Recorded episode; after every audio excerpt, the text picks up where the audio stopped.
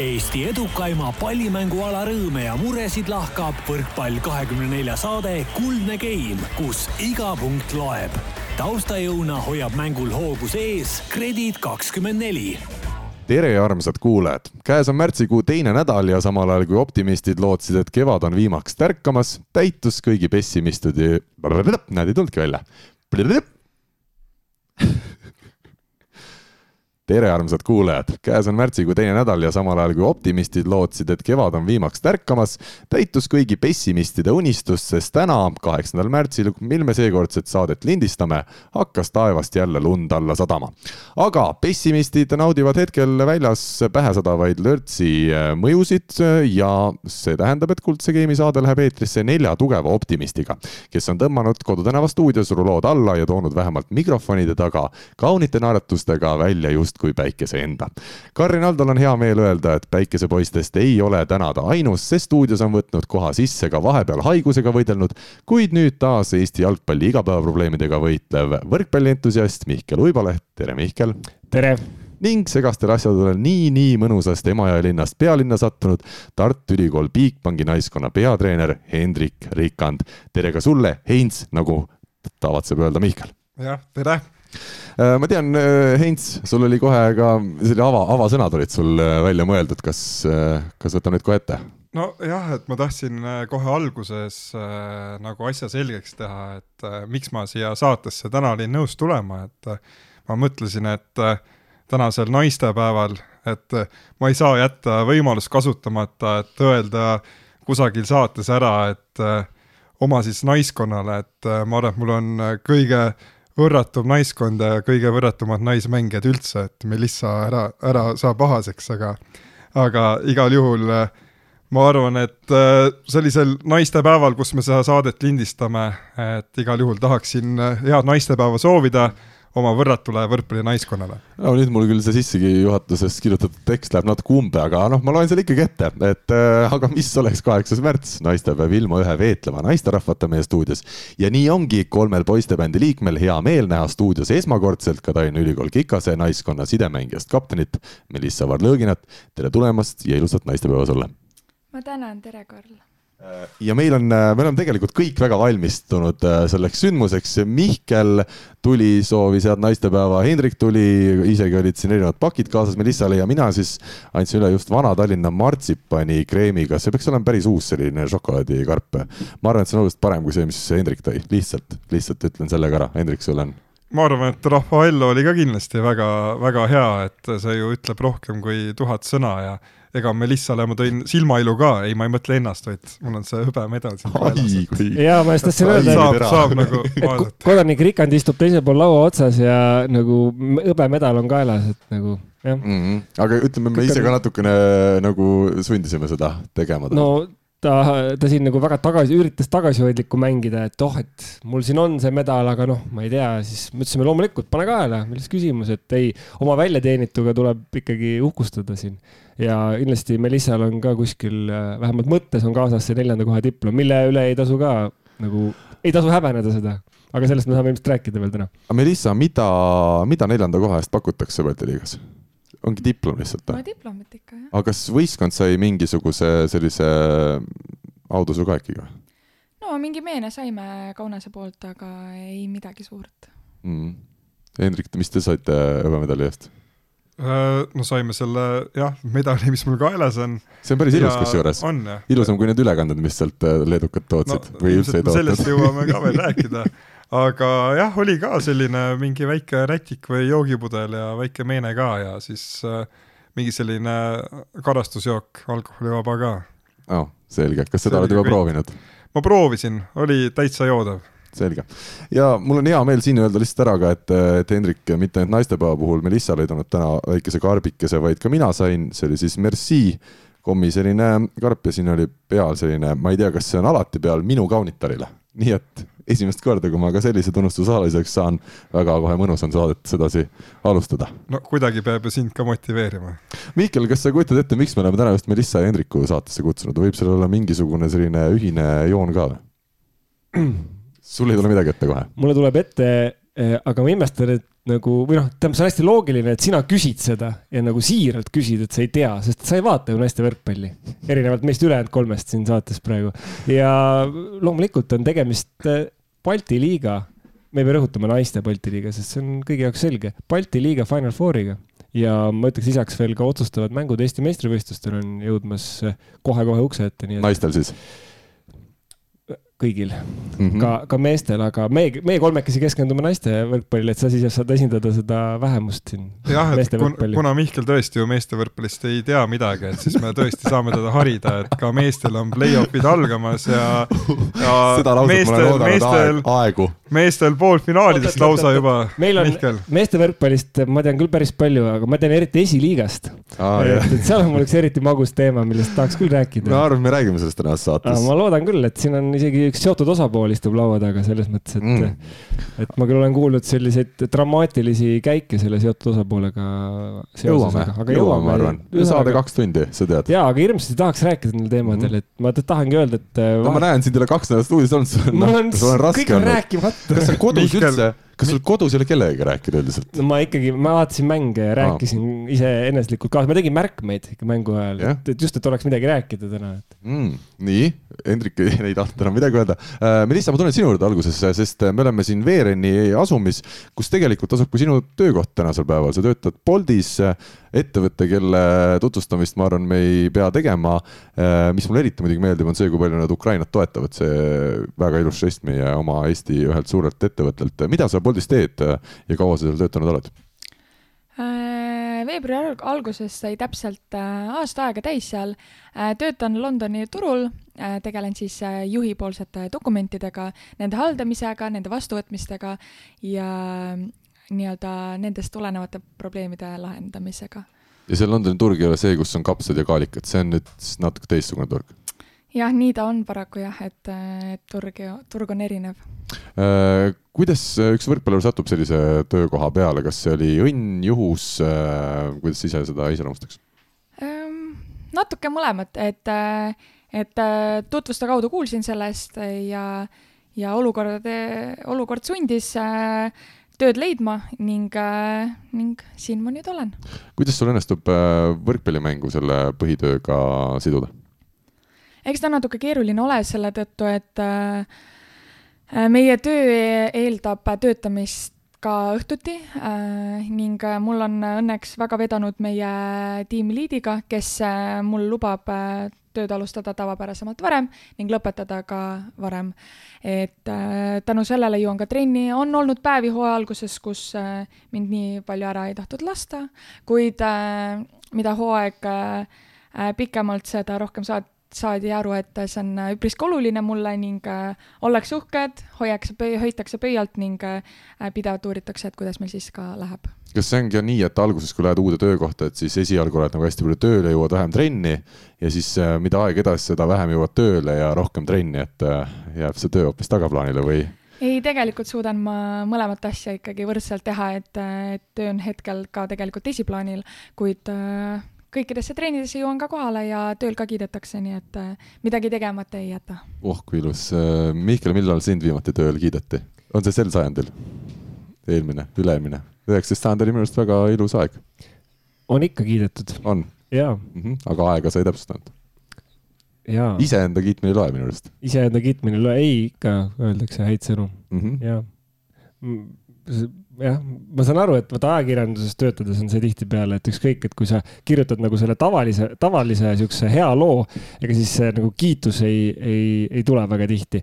Äh, aga võrkpalliportaal on tegelikult natuke teistmoodi. aga ma just tahtsin öelda, et äh, siin eriti kui äh, peatoimetaja vahetus, et siis uut peatoimetajat on kõvasti see... kiidetud, mul, mul on siuke tunne nagu, et, et, et ei tea, kas see lähtub, kas see lähtub sellest, et see kontrast vana ja uue vahel on niivõrd suur või on siin mingi muu asi, et aga minu meelest on nagu hämmastavalt palju kiidetud igal pool. aga tegelikult ka endist peatoimetajat ikkagi siin kiideti no.. Tarmo Kajandi oma arvamusloos näiteks tõi eraldi välja kui positiivsed punktid Eesti võrkpallis ja Pärnu fännid ju tõid välja seal jah, akna peal on isegi selline äh, meene või sihuke auhind, ma no. ütleks, et see on, see on isegi äh, suurem autasu kui Balti liiga neljanda koha puhul on võimalik teenida. Pärnu fännide, mis see on siis aasta ma ei, täpselt. aasta no, tegija või midagi taolist? no sihuke jah, aasta tore inimene ja seal mm -hmm. oli teisi ka, kes said tegelikult, nii et mm -hmm. see ei ole mingisugune selline nüüd äh, aga, jumala staatusesse kerkimine. aga kiitma peab selles mõttes, et, äh, et Melissa kirjeldus on selles mõttes huvitav, et tavaliselt kipub olema nii, et kes palju teeb, see palju jõuab ja igal rindel, nii tööl kui, kui, kui siis pärast võrkpalliplatsil, et me oleme siin saates ka korduvalt rääkinud, et see on ikka tegelikult hämmastav kui inimesed kas õpivad täiskohaga või töötavad täiskohaga, siis käivad veel oma nädalavahetused, siis ohverdavad, et äh, siin ka nädalavahetuse mänge jälgides kommentaatorid siin mitut, mitut puhku rõhutasid, mitu last kellelgi on ja kes on kelle perearst. et, et siis eh, minu meelest see on nagu eriline kangelastega olla Hendrik Rikandi perearst, et see on nagu ja, ja omada kolm last, olla Rikandi perearst ja selle kõrvalt veel käia nagu eh, platsil mängimas, et nagu noh, need on nagu igaüks on kangelastegu praktiliselt iseenesest. siis mingil hetkel, kui kaamera näitas eh, Ants Tarkov servis ja siis Rikand oli seal platsi kõrval, et siis näitas nagu, et see vaatas, et perearst ja patsient olid korraga kaadris, et siis. Ähm, ja Rikand köhatas ja siis kohe Ann läks juurde. küsis, et kuidas on, kas kirjutame jälg, kas on järgitud režiimi või ei ole, aga ei, tegelikult jah, lihtsalt tunnustus veel kord nendele äh, võrkpalluritele, kes, ma ei tea, lastetöö ja kõige muu kõrvalt teevad veel tegelikult äh, teise, teise töökoha otsa, ütleme siis niimoodi, et ja ega vaadates Henrikule otsa, siis ega temal on ju sama lugu, et et äh, tal on ka mitu töökohta ja see naiskonna peatreeneriks olek, milleks me teda tituleerime siin täna, on tegelikult ju hobi talle, samamoodi nagu naistele on hobi seal mängimas käimine, nii et äh, tunnustuse, tunnustada tuleb kasvõi sõnaliselt. ja, ja Hendrik, ma küsin ära ka, kui palju naiskond tunnustab peatreenerit, palju on neid hetki, kui tuleb keegi naiskonna mängija, ütleb Hendrik, sa oled nunnu? no päris nii nad ennast ei väljenda võib-olla, aga eks meil ikka on neid äh, nii-öelda üksteise siis kas kiitmise või tunnustamise hetki ka, et äh, Mihkel ütles väga õigesti, et noh, et naiskonna peatreeneri amet ei ole mul tegelikult töö, vaid hobi ja teen seda vabast ajast tahtest nagu naised isegi. ja selle kiitmise kohta tahaks ka mainida, et töö eest, eks on ka kiidetud, aga nüüd siis kiideti selle hobi eest, siin kolleegid helistasid, õnnitlesid ikkagi hõbemedali puhul ka aga näiteks äh, jumal tänatud, et on äh, sellised kolleegid ja sõbrad, sest äh, eile viisin oma tütart trennist koju, kes ei olnud mind pärast Leedus käiku näinud. ja siis, kui ta autosse istus, siis esimese asjana küsis, et noh, mis asja te seal Kaunases tegite, hõbemedal, et ma oleks küll väga pettunud. ja, ja nii kriitiline hinnang, et Kaunas, et need, need on ju kobad. aga võib-olla see näitab, kui palju oli isasse usku loodame siis nii. Hendrik, ma pean selle ka ära klaarima, sa tõid küll äh, siin äh, Melissale selle Raffaello, mis tõesti me kõik teame, ütleb rohkem kui tuhat sõna, ometi kas me tänases saates saame oodata ka sinult erinevat sõnu, et sa, et sa ei panusta ainult selle kommikarbiga, sest meil saates on väga raske nende kommidega kuidagi edasi anda neid mõtteid, mis inimestel võivad tekkida. no eks ma annan oma parima, Karl, ma proovin. selge, meie anname endast samuti parima ja läheme tänase saate esimese osa juurde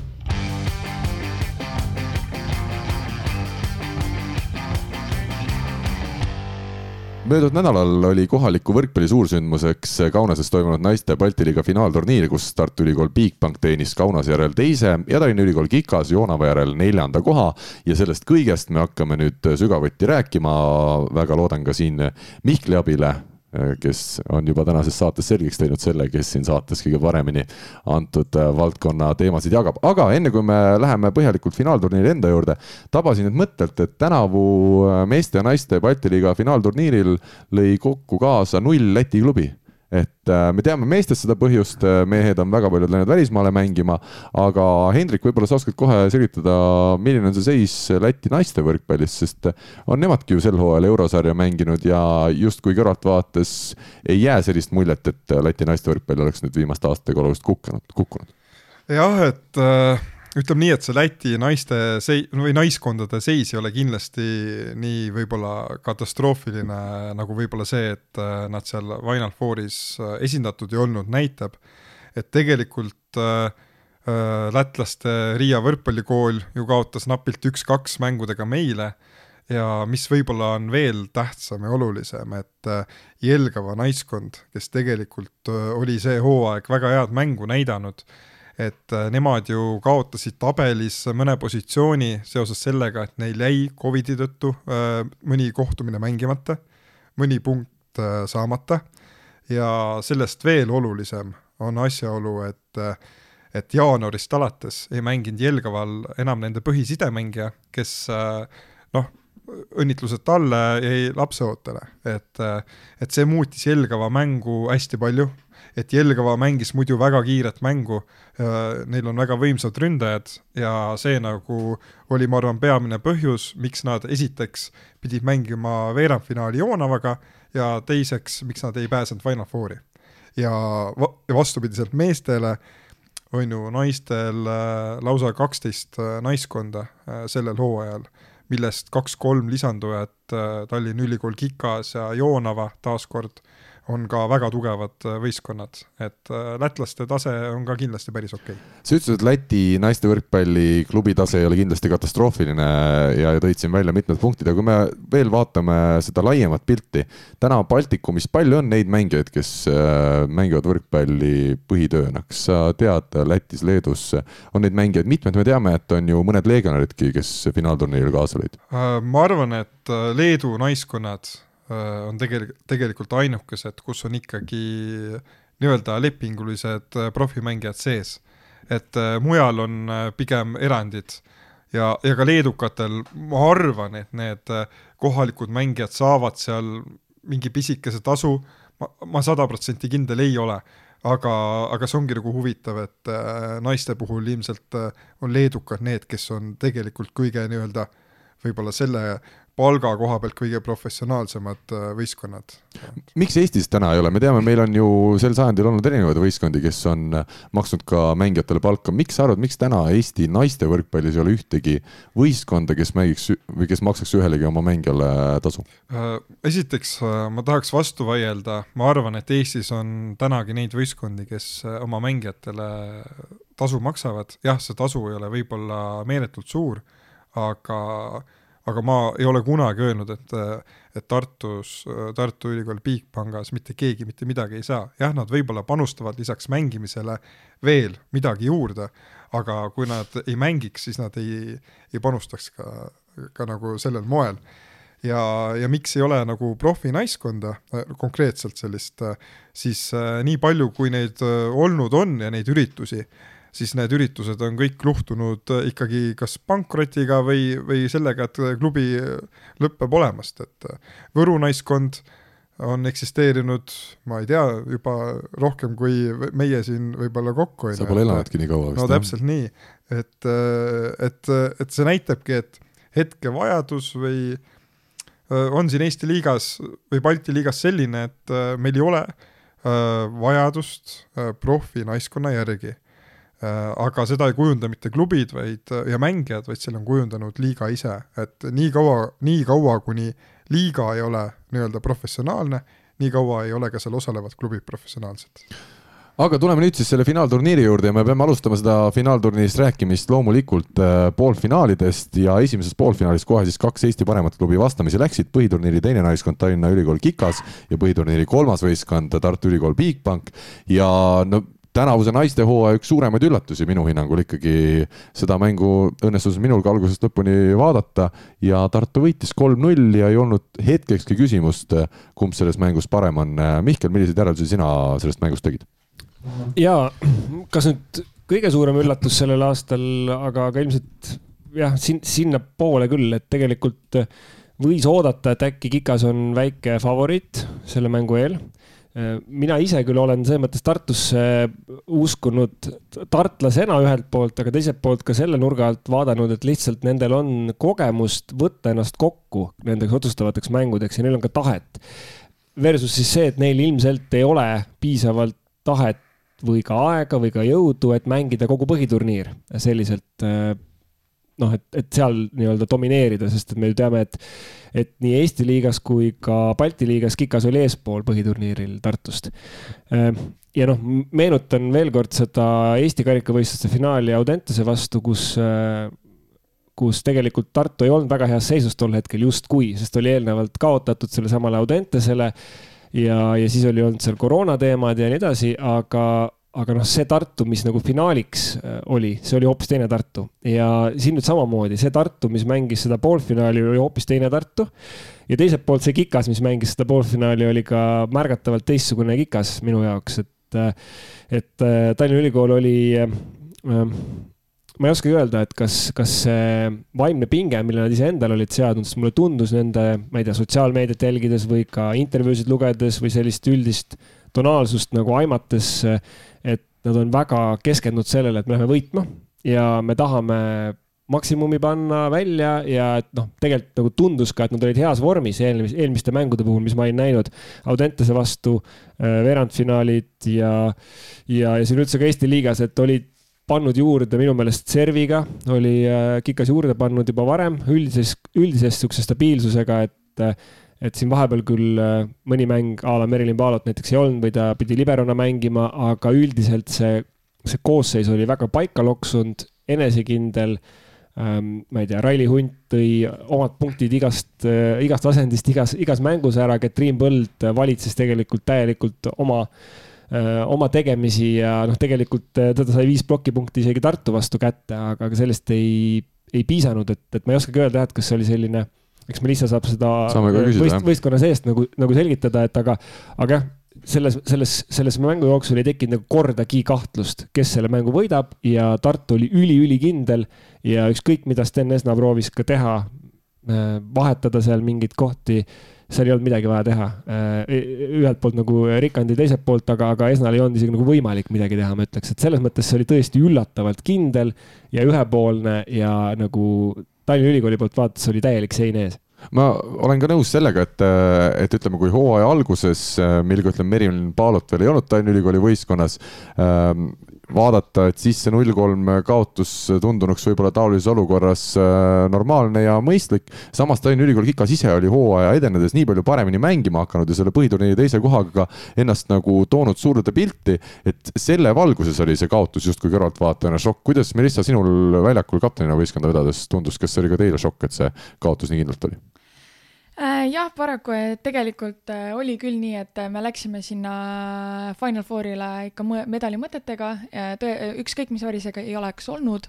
et tõesti põhiturniiril oleme väga häid mänge teinud, tegelikult tuleb ka välja tuua, et kahekümne kahest mängust võit, võitsime ju tervelt seitseteist.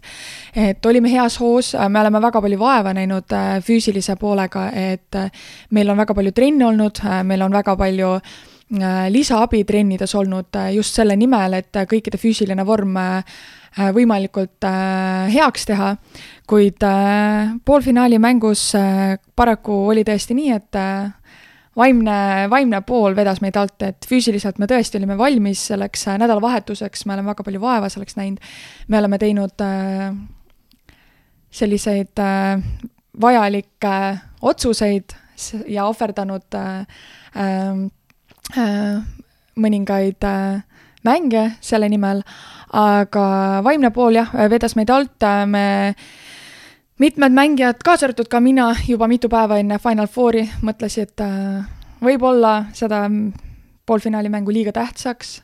kindlasti oli ka sellel oma roll, et vastakuti mindi enda Eesti-sisese tiimiga, et kuna oleme tegelikult ju äh, neljal korral see hooaeg mänginud kokku ning äh, sellest kolm korda oleme tegelikult kaotanud. et, äh, et me, mina isiklikult meid selles mängus favoriidiks ei oleks pannud ja äh, ka, ka trennides ja ka treeneri suust tuldud sõnad olid alati, et, et favoriidiks ta meie ennast panna, pandma, panema ei peaks et me olime tegelikult väga suure töö ära teinud selleks, et sinna Final Fouri üldse jõuda. Kuulame nüüd vastuargumente, kui need tulevad. Äh, siin käis jutt, ütleme ikkagi sellest, et nad vaimselt äh, ei suutnud Tallinna Ülikool oma, oma asju poolfinaalis ära teha. sina, Hendrik, ütlesid juba enne poolfinaali eelvaadetes, et Tartu Ülikool Bigbanki idee ongi mängida sedasi, et Tallinna Ülikool oma mängu käima ei saakski. lõpptulemus tundub, et äh, täpselt selline oli, aga, aga kuidas sina väljaku kõrvalt seda olukorda nägid, kas siis äh, vastased ei pidanud vaimselt vastu või, või olite teie otsustavas mängus ikkagi lihtsalt äh, mänguliselt nii palju paremad? tead, ma arvan, et seal oli tegelikult mõlemat, et me ise mängisime kindlasti hästi, me teadsime, kuidas me pea, kuidas me peame mängima, et sealt mängust võitjana väljuda. me olime selle nimel nädal ennem küll palju mänginud, aga leidnud ka aja puhkuseks, sest sest minu arust nendel Final Fouridel on nagu see vaimuvärskus on tunduvalt isegi olulisem kui, kui füüsiline, et et, et sellistes mängudes igal juhul mängitakse juba tahte pealt. aga mis, mis võib-olla noh, mulle tundus, et et siin jah, praegu sai ka palju räägitud, et äh, Raili Hunt on olnud väga heas hoos, Katriin Põld on valitsenud keskel, et äh, ma ei, ma ei tea, kuidas tegelikult oli, aga ma arvan, et võib-olla Tallinna Ülikool olekski pidanud keskenduma sellele rohkem, et Raili on nurgast võimas, Katriin valitseb keskelt, ma arvan, et võib-olla nad keskendusid natuke liiga palju meile. et kuidas meid pidurdada, et see on nagu asi, mis teinekord äh, noh, kui seda infot tuleb liiga palju peale, on nagu häiriv, ma olen ise ka sellega näppu lõiganud, et, et teinekord ei sõltu sellest, mis vastane teeb, mitte midagi. et tuleb endasse uskuda ja enda asjad väljakul korras hoida, alles siis saab hakata keskenduma sellele, mis toimub teisel pool võrku. kas ja Melissa, sa ütlesid enne, et te loobusite äh, selle finaalturniiri nimel. Äh, äh, pidasite silmas seda Viljandiga mängu, mille te, kus te siis andsite loobumis kaotuse või tegelikult, et see oleks pidanud olema teil kas nädala sees millalgi või eelmisel nädalavahetusel või millal see mäng oleks pidanud äh, olema? see oleks pidanud see nädal, see äh, Final Fourile äh, samal nädalale jäänud esmaspäev või teisipäev, teisipäev mm. siis. teisipäev jah, esmaspäev mängisime meie Viljandiga. jah, teisipäeval aga pead sa nagu tagantjärgi õigeks, et seda, et, et te selle ohverdasite nii-öelda, ma just mõtlen, et Hendrik tõigi siin välja, et te mängisite tegelikult, Hendrik, laupäev, pühapäev, esmaspäev järjest kolm päeva ja siis teil oli paus. et noh, te mängisite kolm päeva järjest, sest et esimese kaotasite, eks ole, Riia võistkonnale. aga ma ei tea, Melissa, kas see, see teisipäevane mäng oleks võib-olla aidanud mingit pinget maha võtta või, või kas, kas see loobumisotsus oli nagu puhtalt sellest, et, et oleme siis nagu füüsiliselt värskemad või, või mis, mis seal taga oli? Äh, ja äh, kindlasti see mingisugune aukartus Viljandi ees ei olnud, et äh, see oli puhtalt treenerite otsus. mõningad mängijad andsid oma mõtted treeneritele edasi ja otsuse võttis ikkagi välja võttis vastu meie peatreener koos abitreeneriga. et tagantjärgi on muidugi kõigile hea öelda, et kui oleks, mis oleks, et et jah, et see otsus oli võetud puhtalt sellepärast, et mängijatele anda just füüsilist puhkust, sellepärast sellele eelnenud trennidele oli näha, et meie mängu, mängijad on natukene kimpus oma füüsilise poolega, et neil oli vaja pikemat puhkust, mille meie treenerid ka meile andsid. et äh, jah, et just täpselt ainult selle taga oligi selle mängu edasilükkamine kinni ning äh, oli ka äh, mõtteid alguses ka mäng edasi lükata, enne ära mängida, aga tean, et seal tekil-, tekkis, tekkisid probleemid, et, et ei saanud etteid ära mängida ja pärast ei saanud ära mängida, et kuidagi edasi, kuidagi teisele päevale lükata, see ka ebaõnnestus. Mm. nojah, ma arvan ka, et sellest ei tasuks pikalt kinni jääda, see on huvitav fakt ja tagantjärgi tark olles on alati see küsimus, et kas oleks midagi muutunud, ma arvan niimoodi täitsa puusalt tulistades, et pigem ei oleks see midagi muutunud, et kõr kõrbeti ikkagi nagu muudes asjades no,. minu ma arvan ka, et, et äh, otsus oli tehtud ja selle järgi tehti ju ülejäänud plaanid, et äh, kui oleks mängitud, oleks tehtud plaanid teistpidi ümber, et äh, et see kindlasti ei olnud määrav, et lihtsalt natuke võib-olla kehva nii meie kui Tallinna Ülikooli jaoks oli see, et see mäng üldse sinna nädalasse jäi, aga see oli ka seotud sellega, et oli siin jaanuaris küll Covidi muresid ja Viljandil seesama noh, nii-öelda bussiõnnetus, mis, mis nagu neid mänge edasi lükkas ja, ja noh, seal ei olnudki midagi teha, et loomulikult meile ka seitsme päevaga viis mängu, ega ei ole unelmate ajakava, aga, aga sellega peab arvestama aga kui me endast, äh, mängust endast räägime detailsemalt, siis tundus ikkagi, et te selles poolfinaalis väga hästi saite, tartlased siis äh, kätte vastaste kaks nurgaründajat, kaks kogenumat liiget, äh, Merilin Paalo ja Raili Hundi, kes siis mõlemad tegelikult olid teinud ju selle hetkeni väga hea hooaja. tõsi, võib-olla arvestades seda, kui palju on Eesti liigas mänge, arvestage seda, et Eesti liiga öö, oma olemuselt ei ole nüüd ju super tugev liiga, et võib-olla, võib-olla me kipume ka mingitel hetkel isegi üle hindama nende mängude, ütleme, tulemusi või, või punktitoojaid. aga kokkuvõttes ikkagi Paalo ja, ja Hunt, kes olid teinud hea hooaja, jäid selles poolfinaalis mõlemad küllaltki kahvatluks. Paalolt lausa neli punkti, efektiivsusnäitaja miinus kolm ja Hunt kümme punkti, aga efektiivsusnäitaja vaid pluss kaks. eriti tundus see, et te võtsite Hundi servi, servisurvega panite, panite kinni ja sealt oli tal juba ka raskem rünnata äh, jah, ma arvan, et me saime küllaltki hästi äh, nii-öelda neutraliseeritud vastaste kõige ohtlikumad relvad, et äh, et me teadsime, mida selleks tegema peab, aga ainult teadmisest äh, ei piisa. ja, ja loomulikult noh, iga kord ei tule palliplatsil kõik hästi välja, aga too mäng meil kindlasti tuli ja ja meil oli selline maru mõnus selline feeling algusest peale ja ja noh, ma olen alati öelnud, et kui juba kaks-kolm punkti ees oled, siis on alati äh, super hea mängida ja, ja siis äh, hakkabki kõik välja tulema äh,. kui noh, et meil on ka olukordi, kus me jääme võib-olla kahe-ühe punktiga taha, juba on kerge paanika. et sedasama ma nägin tegelikult poolfinaalis vastaspoolel, et hakati võib-olla natuke liiga kiiresti otsima minu hinnangul vahetustega seda rütmimuudatust Äh, kritis-, noh, ei taha kritiseerida, ütleme, vastaste nagu tegemisi, sest igaüks teeb oma võistkonda ja oma mängijaid kõige paremini.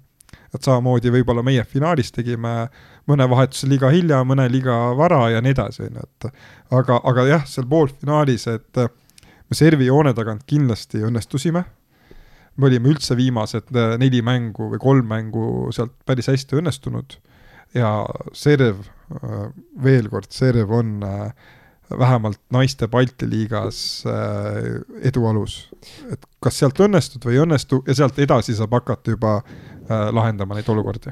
ma tahaks ka jah, Tartut kiita, et serv kindlasti oli ohtlik ja kes nüüd on tagantjärgi numbreid vaadanud, siis äh, Tallinna Ülikool Kikase servi vastuvõtt äh, oli ikkagi väga madalad numbrid olid seal ne,. Neid numbreid ei saa seal äh, tõe pähe ka võtta, need numbrid olid kindlasti madalamad kui see, mis statistika näitab. ma just okay. tahtsingi öelda, et kui ma hakkasin täna saate eel neid numbreid vaatama ja arvestades seda, mis mul laupäevast meelest, kui ma mängu ise nagu jälgisin, siis mingid numbrid tundusid üldse ei klappinud, aga. ja, aga sõltumata statistikast, siis äh, siis esiteks minule jäi nagu serv meelde vägagi sellest poolfinaalist just see sujuv Tartu mäng ja noh, kui siin on osad mängijad, kellel on võib-olla nagu raske, raskem ennast teinekord käima saada.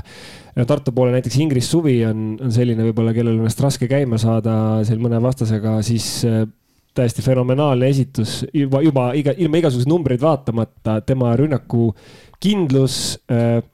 mäletan seal vähemalt äh, paar ässa ta lõi. Äh, ja üldiselt ka tema serv oli niisugune ebameeldiv, tegi ta seal päris mitu niisugust seeriat, mis olid, äh, mis olid olulised.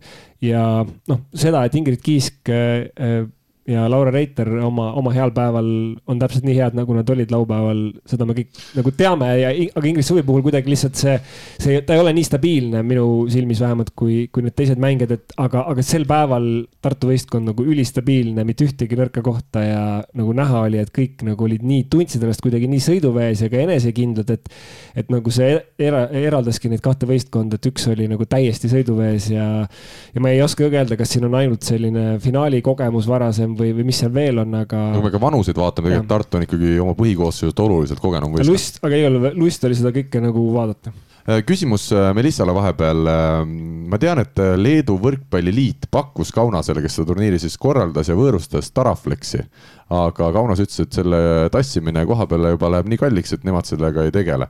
Äh, palju publikut oli poolfinaalis, ega vist väga Eesti klubide tolli ju vaatamas? viiskümmend pealtvaatajat oli. viiskümmend pealtvaatajat oli ikkagi? no publiku kohta tahaks jah seda öelda, et okei okay, kui no, finaalis oli, see... oli kõvasti.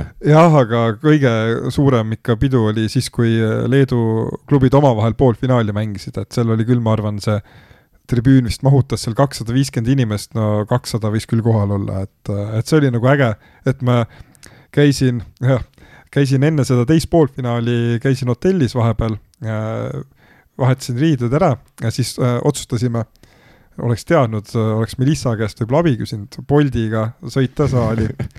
sellega on ka oma lugu, noh, et, et panin siis aadressi sisse ja tellisime Bolti ja vaatasime, oh, väga hea, et üheksa minutit ja kohale, bussiga läksime mingi viisteist, kuusteist minutit. no aga vaata ei ole kursis, et äh, Kaunases peab neid igasuguseid piirkondi natuke rohkem täpsustama. ja ühesõnaga, esimene Bolti sõit lõppes meil enam-vähem, ei, Annelinna majade vahel põhimõtteliselt ja, ja siis. aga sinna te ei tahtnud minna? sinna me ei tahtnud minna ja, ja siis tuligi välja, et me olime hoopis äh, risti vastupidises suunas liikunud ja siis uue selle Boltiga saime lõpuks siis teiseks game'iks sinna poolfinaali vaatama ka. Aga kus siis äh, süü oli, kas äh, sinu ikkagi selles aadressi valikus või oli taksojuht natukene uimane? no mina tegin copy paste'i sealt äh, nii-öelda meile saadetud infokirjast, aga, aga noh, ju ikka mina süüdi olin, et äh, mul abitreener, abitreener Jaanika Jakobson äh, tellis siis nagu uue takso ja tema suutis nagu õige info sinna sisestada, nii et äh, ta ka tänasel naistepäeval peame tõdema, et naised on nagu kõikvõimsad ja mehed on ühed sellised äpud. aga ma pean ära küsima selle ka, et kes teid ikkagi üldse finaalturniirile viis, oligi ju Jaanika siis, kui sina olid haige, te olite Riia vastu esimese mängu kaotanud võõrsil, siis tulite tagasi, sinul see haigus ikkagi võttis jalad, jalad niitis ära ja siis äh, tuli Jaanika, kaks kindlat võitu ja naiskond finaalturniir, olete te omavahel rääkinud nagu sotid selgeks ka, et kumb tegelikult tähtsam lülivõistkonnas on? selles mõttes, ega meil kogu naiskond ja Jaanika ka teab, et see oli taktikaline lüke ja, ja selliseid äh, asju tuleb vahepeal nagu no, finaali eel et... või finaali ajal oleks võinud sul ka mingi haigus äkki tekkida, oleks võib-olla ka aidanud. mõtlesime pärast teist game'i, et äkki, äkki ma lähen ära, et äh, Ain perearstina saab ju mulle seal kiirelt diagnoosi teha või panna, et kuule, et mine testima.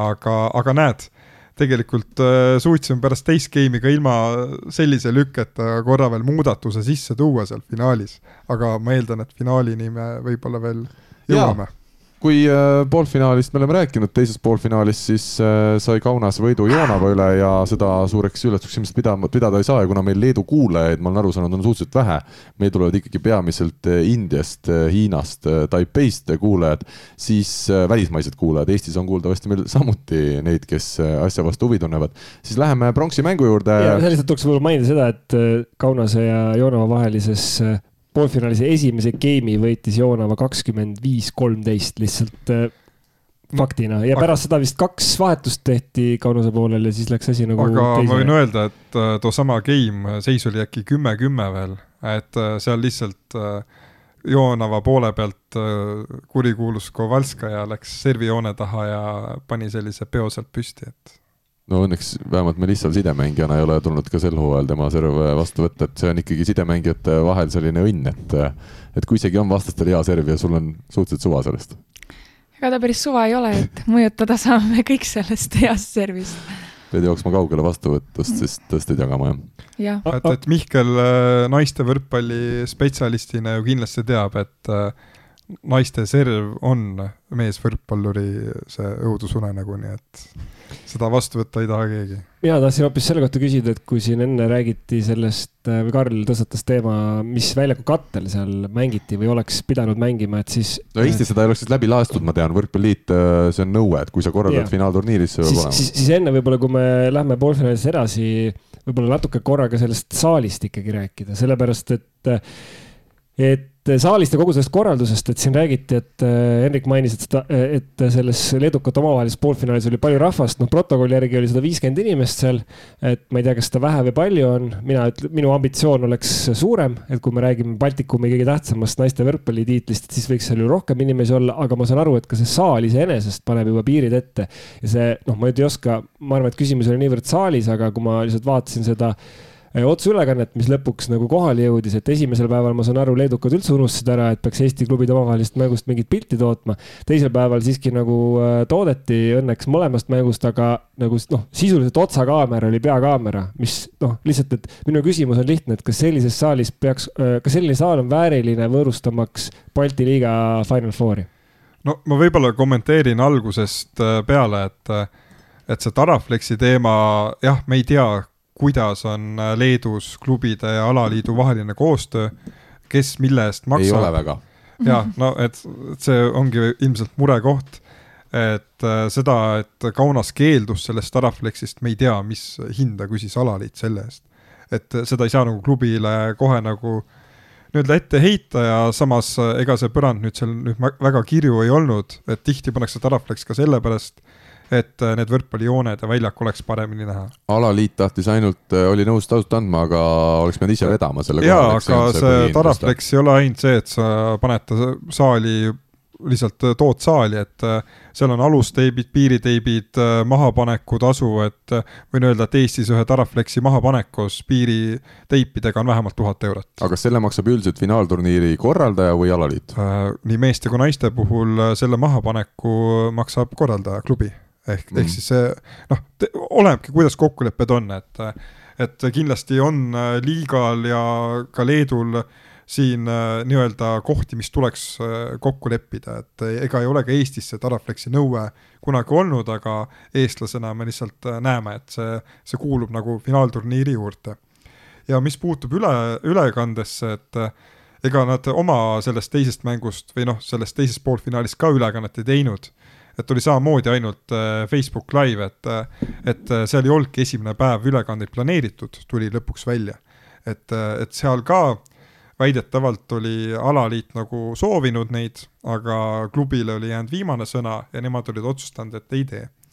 aga nüüd selle ülekande ja kaamera nurga koha pealt ma võin öelda, et seal saalis oli Eesti, ma arvan, et Taavi Lüütsepa unistus, seal oli megakorralik selline alus äh, ratastel, kuhu panna kaameramees peale, sa saad selle puki sõidutada kuhu iganes. Taavi Lütsp on siis see, kes meil Eestist ülekandet teeb ja kes ka Leedust tõi otsapidi siia, ma lihtsalt ütlen vahele. jah, täpselt nii, et äh, nihuta see pukk kuhu tahad ja tee väga hea ülekanne äh,. et seda enam oli nagu kummaline, et see pukk jäeti sinna nurka seisma ja, ja esimene päev ka ma tahtsin äh, oma seda nii-öelda kaamerat sinna filmima panna, et, et saaks pärast hiljem mängu natuke nagu järgi vaadata et siis esiteks tuligi juba pahandus, et ma sinna puki peale üldse midagi panna tahtsin ja siis teiseks ma ütlesin, et kuulge, et aga ma nihutan seda nagu keskele poole. ei, ei, seda ei, seda ei nihuta siit keegi, siia tuleb homme nagu kaamera peale. Siis ma andsin ka nagu soovituse, et kuulge, et vaadake sinna tribüünide vahele, külje peale või, või noh, keskele, et siin on neid kohti küll, kuhu saab panna. ei, meil on see siin nurgas ja meie seda siit ei liiguta. et seal oli nagu karm reegel paigas, et äh, aga minul on, äh, ma hea meelega räägin ka, see on ikkagi kommentaatorina saab ka alati huvitavate kogemustega rikkamaks. seekord siis oli nii, et Taavi Lüütsepp oma kodust pani püsti selle nii-öelda otse, otseülekande feed'i siis nagu tänapäeval vist tuleb öelda. ja mina istun siinsamas oma kodus laua taga, panin oma atribuutika püsti ja olin siis mikrofoni taga valmis. kontrollime üle, heli töötab, reklaamid töötavad, kõik on hästi, Taaviga teeme nalja, nagu ikka me teeme ülekannet eel, ajal ja järel. ja siis ootame, mida ei tule, ei tule otse pilti ja ei vasta ka see härrasmees nimega Audrius siis, kellega Taavi päev varem oli helistanud, proovinud läbi, kõik oli toiminud, kõik oli kokku lepitud justkui. leedulastel, ma ei tea, muidugi see inglise keel kõigil ei ole selline eriti hea ja võib-olla tõesti lihtsalt ei saadudki üksteisest aru. aga igatahes vaatasime Taaviga, arutasime, mis me siis teeme, et me oleme mõlemad valmis, mõlemal oma nagu eeltöö tehtud. et, et mis siis saab ja, ja siis avastasime, et Tallinna Ülikool Kikas pani otseülekande pildi sinna siis kaameraga. kas teil oli see niikuinii plaanis või te kuulsite, et seda ülekannet ei ole ja ja keegi ei saa vaadata? ei, me alati teeme enda mängudest äh, Facebooki laivi mm,. no näed, siis on äh, eriti hästi ja taolisel puhul tuleb kohe eriti kiita sellise teo eest. Hendrikul on juba. me Steniga tegelikult tegelikult korra arutasime ka, et kas äh, see telefon panna või mitte, et noh, pidi ju ülekanne olema ja, aga te ei ka ei näinud ühtegi kaamerat? ja siis oligi, et mingi hetk, kui ma nägin, et ainuke kaamera saalis on minu see Panasonic, mis iganes, millega ma sealt otsa pealt nagu filmima hakkasin et siis nagu lõid häirekellad ja siis sai ka alaliiduga suheldud, sai ka Taavi Lüütsepaga suheldud ja, ja siis tunduski mõistlik see äh, Steni või ma ei tea, teil võistkonna telefon sinna panna. noh, siis tuli ka teine mure muidugi, et äh, Leedu seal saalis, äh, ma ei tea, et viimati võib-olla kolmkümmend aastat tagasi oli Eestis sama aeglane internet kui seal, et et see, see oli ikka päris keeruline, et aga et, läbi see pilt tuli lõpuks ja, ja see on hämmastav, muideks see on hämmastav ja et sest internetti tõesti oli seal, internetti oli seal saalis natuke rohkem kui piirikohtunikke, sest piirikohtunikke polnud üldse poolfinaalides. mis on ka, ka, mis on ka jälle nagu täiesti kas see unustati või see nüüd leedulased otsustasid, et äh, hea, kui me üldse teile esimese, teise kohtunikuga no, kohale toome? nii palju, kui ma kohtunike käest kuulsin, äh, siis oli öeldud umbes selline lause, et meil on siin Leedus nii palju mänge laupäeval, et me vaatame, et kas, kas homseks jõuavad. noh, mis on tegelikult, noh, see ei ole okei okay. ja meie alaliit on ka selle kohase nagu märkuse sinna saatnud, saatis ka juba laupäeval ja õnneks pühapäeval piirikohtunikud olid. aga, aga noh, no ei taha teha maha äh, aga. leedulased ei kuula, ära muretse. no Leedu, no aga noh, üldse nagu võrkpallile ka, ega see nüüd ei ole nagu suur rekla-, reklaam, aga aga veel kord selle korralduse koha pealt, kus tuleb kiita eestlasi ja jälle laita siis leedukaid. Et näiteks äh, meile tuli ka teine kohtunik ütlema kakskümmend viis minti enne mängu, et äh, kui muidu tehakse tavaliselt äh, need võistkonnafotod pärast loosi kohe, siis ta tuli ütlema, et noh, et vaatame, et meil siin fotograaf ei tea, kas ta jõuab või, või, või ei jõua, et noh, kui ta jõuab, siis teeme pildi, kui ei jõua, siis ei tee. kui jõuab mänguks, siis teeme vahetult enne mängu. no lõpuks ta jõudis vist teise game'i ajal, et. tegite siis poole mängu pealt? Äh, üritasime, aga siis ei olnud fotograaf kursis, et ta peab võistkondades ka pilte tegema, et äh, aga no nalja naljaks, et äh, pildid tehti siis pühapäeval ära ja noh, see, see selles mõttes ei ole nagu hullu, aga, aga ikkagi et, et seal ikkagi oli neid puudujääke omajagu sõbrad nut, nuta, nuta või naera on selle rubriigi nimi nagu selles mõttes, et mina vaatan läbi selle Tallinna Ülikooli Facebooki laivi äh, igal juhul, isegi kui seal see pilt nõksub natukene, et ma, ma ikka vaatan ja panen kõrvale siis selle live-seisu endale jooksma, et ma näeksin, palju, palju on, aga küsimus on selles, et et nagu kas veel keegi viitsib vaadata peale minusuguste või mõne minusuguse, et see on see lihtsalt, et meil on Eesti klubide, ma ütleks, üks oodatumaid mänge äh, siis naiste võrkpallihooajal. Ja noh, Postimees hinnatud Eesti meediaväljaanne kuulutab välja, et, et on otseülekanne sellest ja tegelikult nagu seda otseülekannet ei ole, et see lihtsalt noh, ma ütlen, et see lihtsalt on nagu pikas perspektiivis ei tee ju alale head. no mul on äh, sealtsamast sellest kaamera puki pealt äh, selle mängu video olemas, et kui me lepime kokku, et äh, ma laen selle video üles ja Karl kommenteerib seda nagu uuesti, et siis me võime selle üles laadida. ma arvan, et too pilt on võib-olla natukene kvaliteetsem, kvaliteetsem võib-olla kui sealt kaamera oma või selle nii, foto või telefoni oma. jumal tänatud, Mihkel küll ütleb, ma naiste võrkpallist midagi ei tea ja, ja kindlasti poolenisti on tal õigus, aga ma õnneks vähemalt Tallinna Ülikool Kikase ja Tartu Ülikool Bigbanki kõiki mängijaid vist äh, tunnen küll ja, ja ma tõesti, see pilt ei olnud väga hea ja vahepeal mõtlesin, kas mul kodus on luupi või ei ole, aga sain aru ka teisel pool võrku kõik, kes olid puhtalt kehakuju, liikumise, juuste värvi, selle See, järgi. jah. oleks olnud mingi Leedu klubi seal vastas, kelle mängijaid ma kõiki ei tea nägupidi, siis ma oleks lihtsalt öelnud nii nagu osad kommentaatorid teevad number kolm servib, aga ma ei näeks isegi seda, kui nad on teisel pool võrku, nad on, eks ole, näoga siiapoole ei, lihtsalt ei oska midagi öelda. ma võin öelda, et võrreldes järgmisel päeval eh, ehk siis pühapäeval mänge kommenteerinud Rando Soomega teadsid sa väga hästi eh, neid võrkpallureid, sest et eh, seal oli, seal oli küll neid olukordi, kus vaatasin juba rahulikult, et vahetus on ära toimunud, üks teine mängija on, on, on platsil tulnud, aga siis selgus ka kommentaatorite jaoks mõni punkt hiljem, et oi, näete, siin on üks uus mängija väljakul. aga noh, see tulenes ka sellest, et nad ei kommenteerinud mängu tegelikult, nad rääkisid väga palju toredaid lugusid ja väga tore oli seda kuulata nagu selles mõttes, et tõsiselt, et kihvtid lood, kaks võrukat omavahel. minagi kakskümmend viis protsenti sealtkandist setukas osaliselt, et mul oli ka nagu huvitav kuulata neid, aga, aga jah, mängu pidi nagu ise vaatama, et selles mõttes Karlile tuleb ikka kompliment teha nagu. ei tohi liiga palju kiita, ei tohi liiga palju kiita. Äh, aga tuleme nüüd siis äh, pronksi mängu juurde. meil on täna planeeritud nii, et meil on umbes esimene tund siis saatest äh, naiste võrkpallile ja, ja teine tund räägime kõigil muudel teemadel, mis meil täna veel ees on ootamas, aga pronksi mängust, ma ei tea, kui palju sellest pronksi mängust rääkida, aga Tallinna Ülikool Kikas ka teisel päeval nüüd konkreetselt teistsugust esitust ei teinud, Joonavale jäädi alla null kolm, game'idest saavutati kakskümmend üks, kaksteist ja kakskümmend viis punkti, esmalt Melissa, milline oli, väljakul oli jälle see tunne ja olukord, arvestades seda, et päev varem oli kindel kaotus tulnud?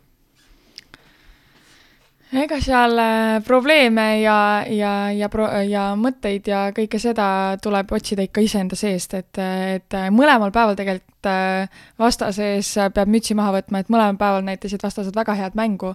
et tõesti oli tartlaste puhul äh, ei tea vist ühtegi kohta, et oleks äh, mängu tagantjärgi vaadanud ja oleks ühtegi kohta olnud, kus oleks saanud ise kinni võtta ja initsiatiivi enda peale võtta ja, ja kuidagi hakatagi seda mängu domineerima.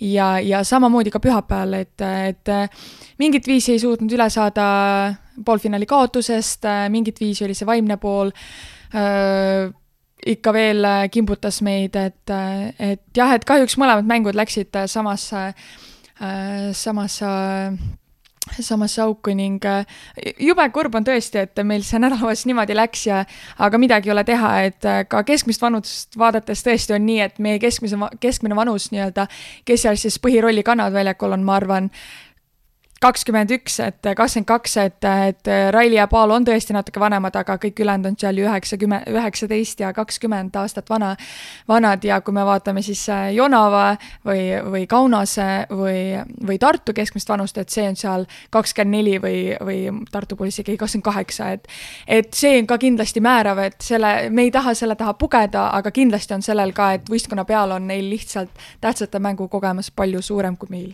mis mind huvitab, on see, et äh, kuidas peatreener Sten Esna ja abitreener Laos Lukas, äh, millised on nende sõnad pärast seda pronksimägu kaotust, sest just nagu me oleme ka siin täna mitu korda rääkinud, põhiturniir oli ilusam, kui keegi ilmselt arvata oskas, vaevalt äh, teiseks teid keegi hooaja eel oskas panna kuskil ennustustes. Ja samas see finaalturniir kujunes ikkagi kahe, kahe kindla kaotusega lõppenud selliseks siis nädalavahetuseks, et mida treenerid ütlesid ja, ja milline see üleüldine atmosfäär seal võistkonnas pärast finaalturniiri oli? Ega mängijate siseselt oli atmosfäär kurb, aga kui treenerid vaadata, siis äh, ega nad äh, ka, ega kui palju neil on ikka naiste meistriliigas selliste tähtsate mängude kogemust ja Balti liiga ja ja eks äh, ka nemad õppisid sellest ja meie õppisime, et kindlasti oli äh,, kindlasti oli ka neil mingeid kohti, mida nüüd, nüüd tagantjärgi oleksid tahtnud teistmoodi teha ja ja ka mängijatel, et et treenerite poolt mingit sulle sellist äh, kurba meelt nagu vastu väga ei tulnudki, et pigem olid mängijad need, kes kaotuste üle kurvastasid, et treeneritel võib-olla omavahel seal oli äh, mingisugused äh, probleemid arutada ja, ja tagantjärgi mingite analüüside tegemine, aga et mängijad äh, olid need, kes olid kurvad, et treenerid hoidsid positiivset meelt ja ega ju meistri, meistri, meistrikate mängud ei ole ju kaugel, et meil on tõesti vaja väga hädasti praegu üle saada sellest õnnetust Final Fouri turniirist aga nüüd siis läheme finaali juurde. Kaunas, kes finaalturniiri korraldas, võitis äh, finaalis kolm-üks võidu Tartu Ülikool Bigbanki üle. esimesed kaks geimi kakskümmend viis, üheksateist ja kakskümmend viis, seitseteist. kolmas kaotati kakskümmend kaks, kakskümmend viis, aga neljas võideti taas kindlalt kakskümmend viis, seitseteist. no Hendrik, sinule sama küsimus äh, nagu siin Melissale pronksimänguga seoses, et äh, kas, kas tundus ikkagi, et selles äh,, selles finaalis ei, ei olnud seda käiku võtta, et, et Kaunast murda? Äh, kõigepealt ma korra tuleks selle Tallinna Ülikooli juurde tagasi, et äh, ma tahan öelda, et ma, ma loodan, et ma ei tee treeneritele ja mängijatele liiga, aga äh, Tallinna Ülikool Kikase kõige suurem võit tehti ära juba hooaja alguses, kui otsustati mängida Balti liiget. et ma arvan, et see on nagu asi, mis on see hooaeg igal juhul Tallinna Ülikool Kikase kõige suurem võit ja see, et siin saadi nüüd ka veel Final Fouris mängida, okei okay,, jäädi medalita, aga ma arvan, et see kõik on nagu nii-öelda tuleviku mõttes igal juhul äh, väga õigesti tehtud. aga nüüd, kui tuleme selle finaali juurde, siis me oleme Kaunasega mänginud äh, viimased kolm aastat äh, Final Fouris, kas siis ma ütlen, eelmised kaks aastat pronksimängu ja nüüd siis finaalis ja pronksimängud te võitsite? pronksimängud me mõlemad võitsime jah, aga, aga kindlasti selle aasta Kaunas äh, on äh, viimaste aastate kõige tugevam Kaunas üldse, et äh, kindlasti ma arvan, ka meie olime pisut tugevamad kui eelmine aasta kuigi ma ei tähtsustaks siin kahte seda liitumist nagu nii väga üle, sest ega meil on ka neid nagu kadu, kadujaid nii-öelda, et. Nõlvak ja Hollas tulid juurde? jah, et aga ma ütlen, libero ja tempo ei ole nüüd päris need kohad, kus Mõlemad neid mänge võidetakse. jah, aga need ei ole päris need kohad, kus neid, kus neid mänge võidetakse, et kui sa vaatad neid eelmiste turniiride sümboolseid koosseise, siis meil on ka alati seal mängijad sees olnud, et et Kaunasel esiteks kodusaal. Äh,, igal juhul kodusaalis peabki vastasest võib-olla natuke agressiivsem olema. Äh, nad äh, servisid hästi, me, me ei saanud hakkama vastuvõtul äh, mitte isegi niivõrd äh, täpselt mitte vastase serviga, vaid iseendaga, et äh, me hakkasime seal võib-olla katma ühte või teist mängijat liiga vara äh,. noh, et unustasime ära, et, äh, et kõigepealt on vaja ise mängida äh,, hakkama saada ja siis saad sa võistkonnakaaslast ka võib-olla aidata. et äh, et ma ütlen, et seal ei olnud nagu ühtegi kohta, kust oleks saanud nende mängust leida selle nagu nõrga koha ja jah, kui me vaatame ka neid statistikanumbreid, siis äh, meie servi vigade arv oli tohutu. ja me tegime neid vigu ka esimese servi pealt, et kui sa teed kolmanda või neljanda servi puhul vea, siis on see okei okay et siis ei ole hullu, sa oled juba teinud äh, seeria, kust äh, oled saanud äh, vastase nii-öelda surve alla panna. aga me eksisime esimeste servide puhul ja, ja ka serviga, noh, mis ei olnud äh,, mis ei olnud nagu üldse ohtlikud. Eh, noh, ilmselt oli meil ka mingi suurem närv ikkagi sees, sest äh, ma toon näite kolmandast game'ist, mille me võitsime, aga ma ei ütle nime, aga viimast servi, kui läksime mängu panema, siis ma andsin äh, konkreetse käsu, et viie-kuue vahele serviti ühe tsooni konkreetselt. et, et noh, see, see lihtsalt on nagu mingid asjad, et mis nagu oli näha, et häirisid, et äh, esimesed pallivahetused, pallivahetused äh, olid mängitud, siis juba äh, küsiti äh, asju, mida vara, varem nagu mitte keegi mängijatest ei küsi, et äh, need on mingid märgid, kus sa saad aru, et äh,, et äh,, et on raske äh,. treenerina sa proovid mõelda, et kuidas nagu seda muuta aga seekord ei olnud neid oskusi või teadmisi nii palju, et seal mingit muudatust tuua. et äh, me, me uskusime küll, et me oleme see nädalavahetus nagu kõigeks võimelised, sest äh, meil oli laupäeval selline vahejuhtum enne Tallinna Ülikooli mängu, kus meil hotellitoas kapten Ain Starkov ja diagonaalründaja Ingris Suvi jagasid tuba ja siis Ain kogemata rätikuga äh, Äh, ütleme, lükkas Ingrise hästi, Ingrisele hästi olulise sõrmuse kraanikausist nagu alla sinna torusse. ja, aga noh, see oligi, et kuna vett keegi peale ei lasknud, on ju, et siis äh, loodeti, et äkki on võimalik see sõrmus sealt kätte saada, siis äh, Ain saigi hotellist mingid torutangid ja nii uskumatu, kui see ka ei ole, et eh, jah, see toru pärast selle tulemusena küll oli hävitatud ja tuli tuba vahetada, aga see sõrmus saadi kätte.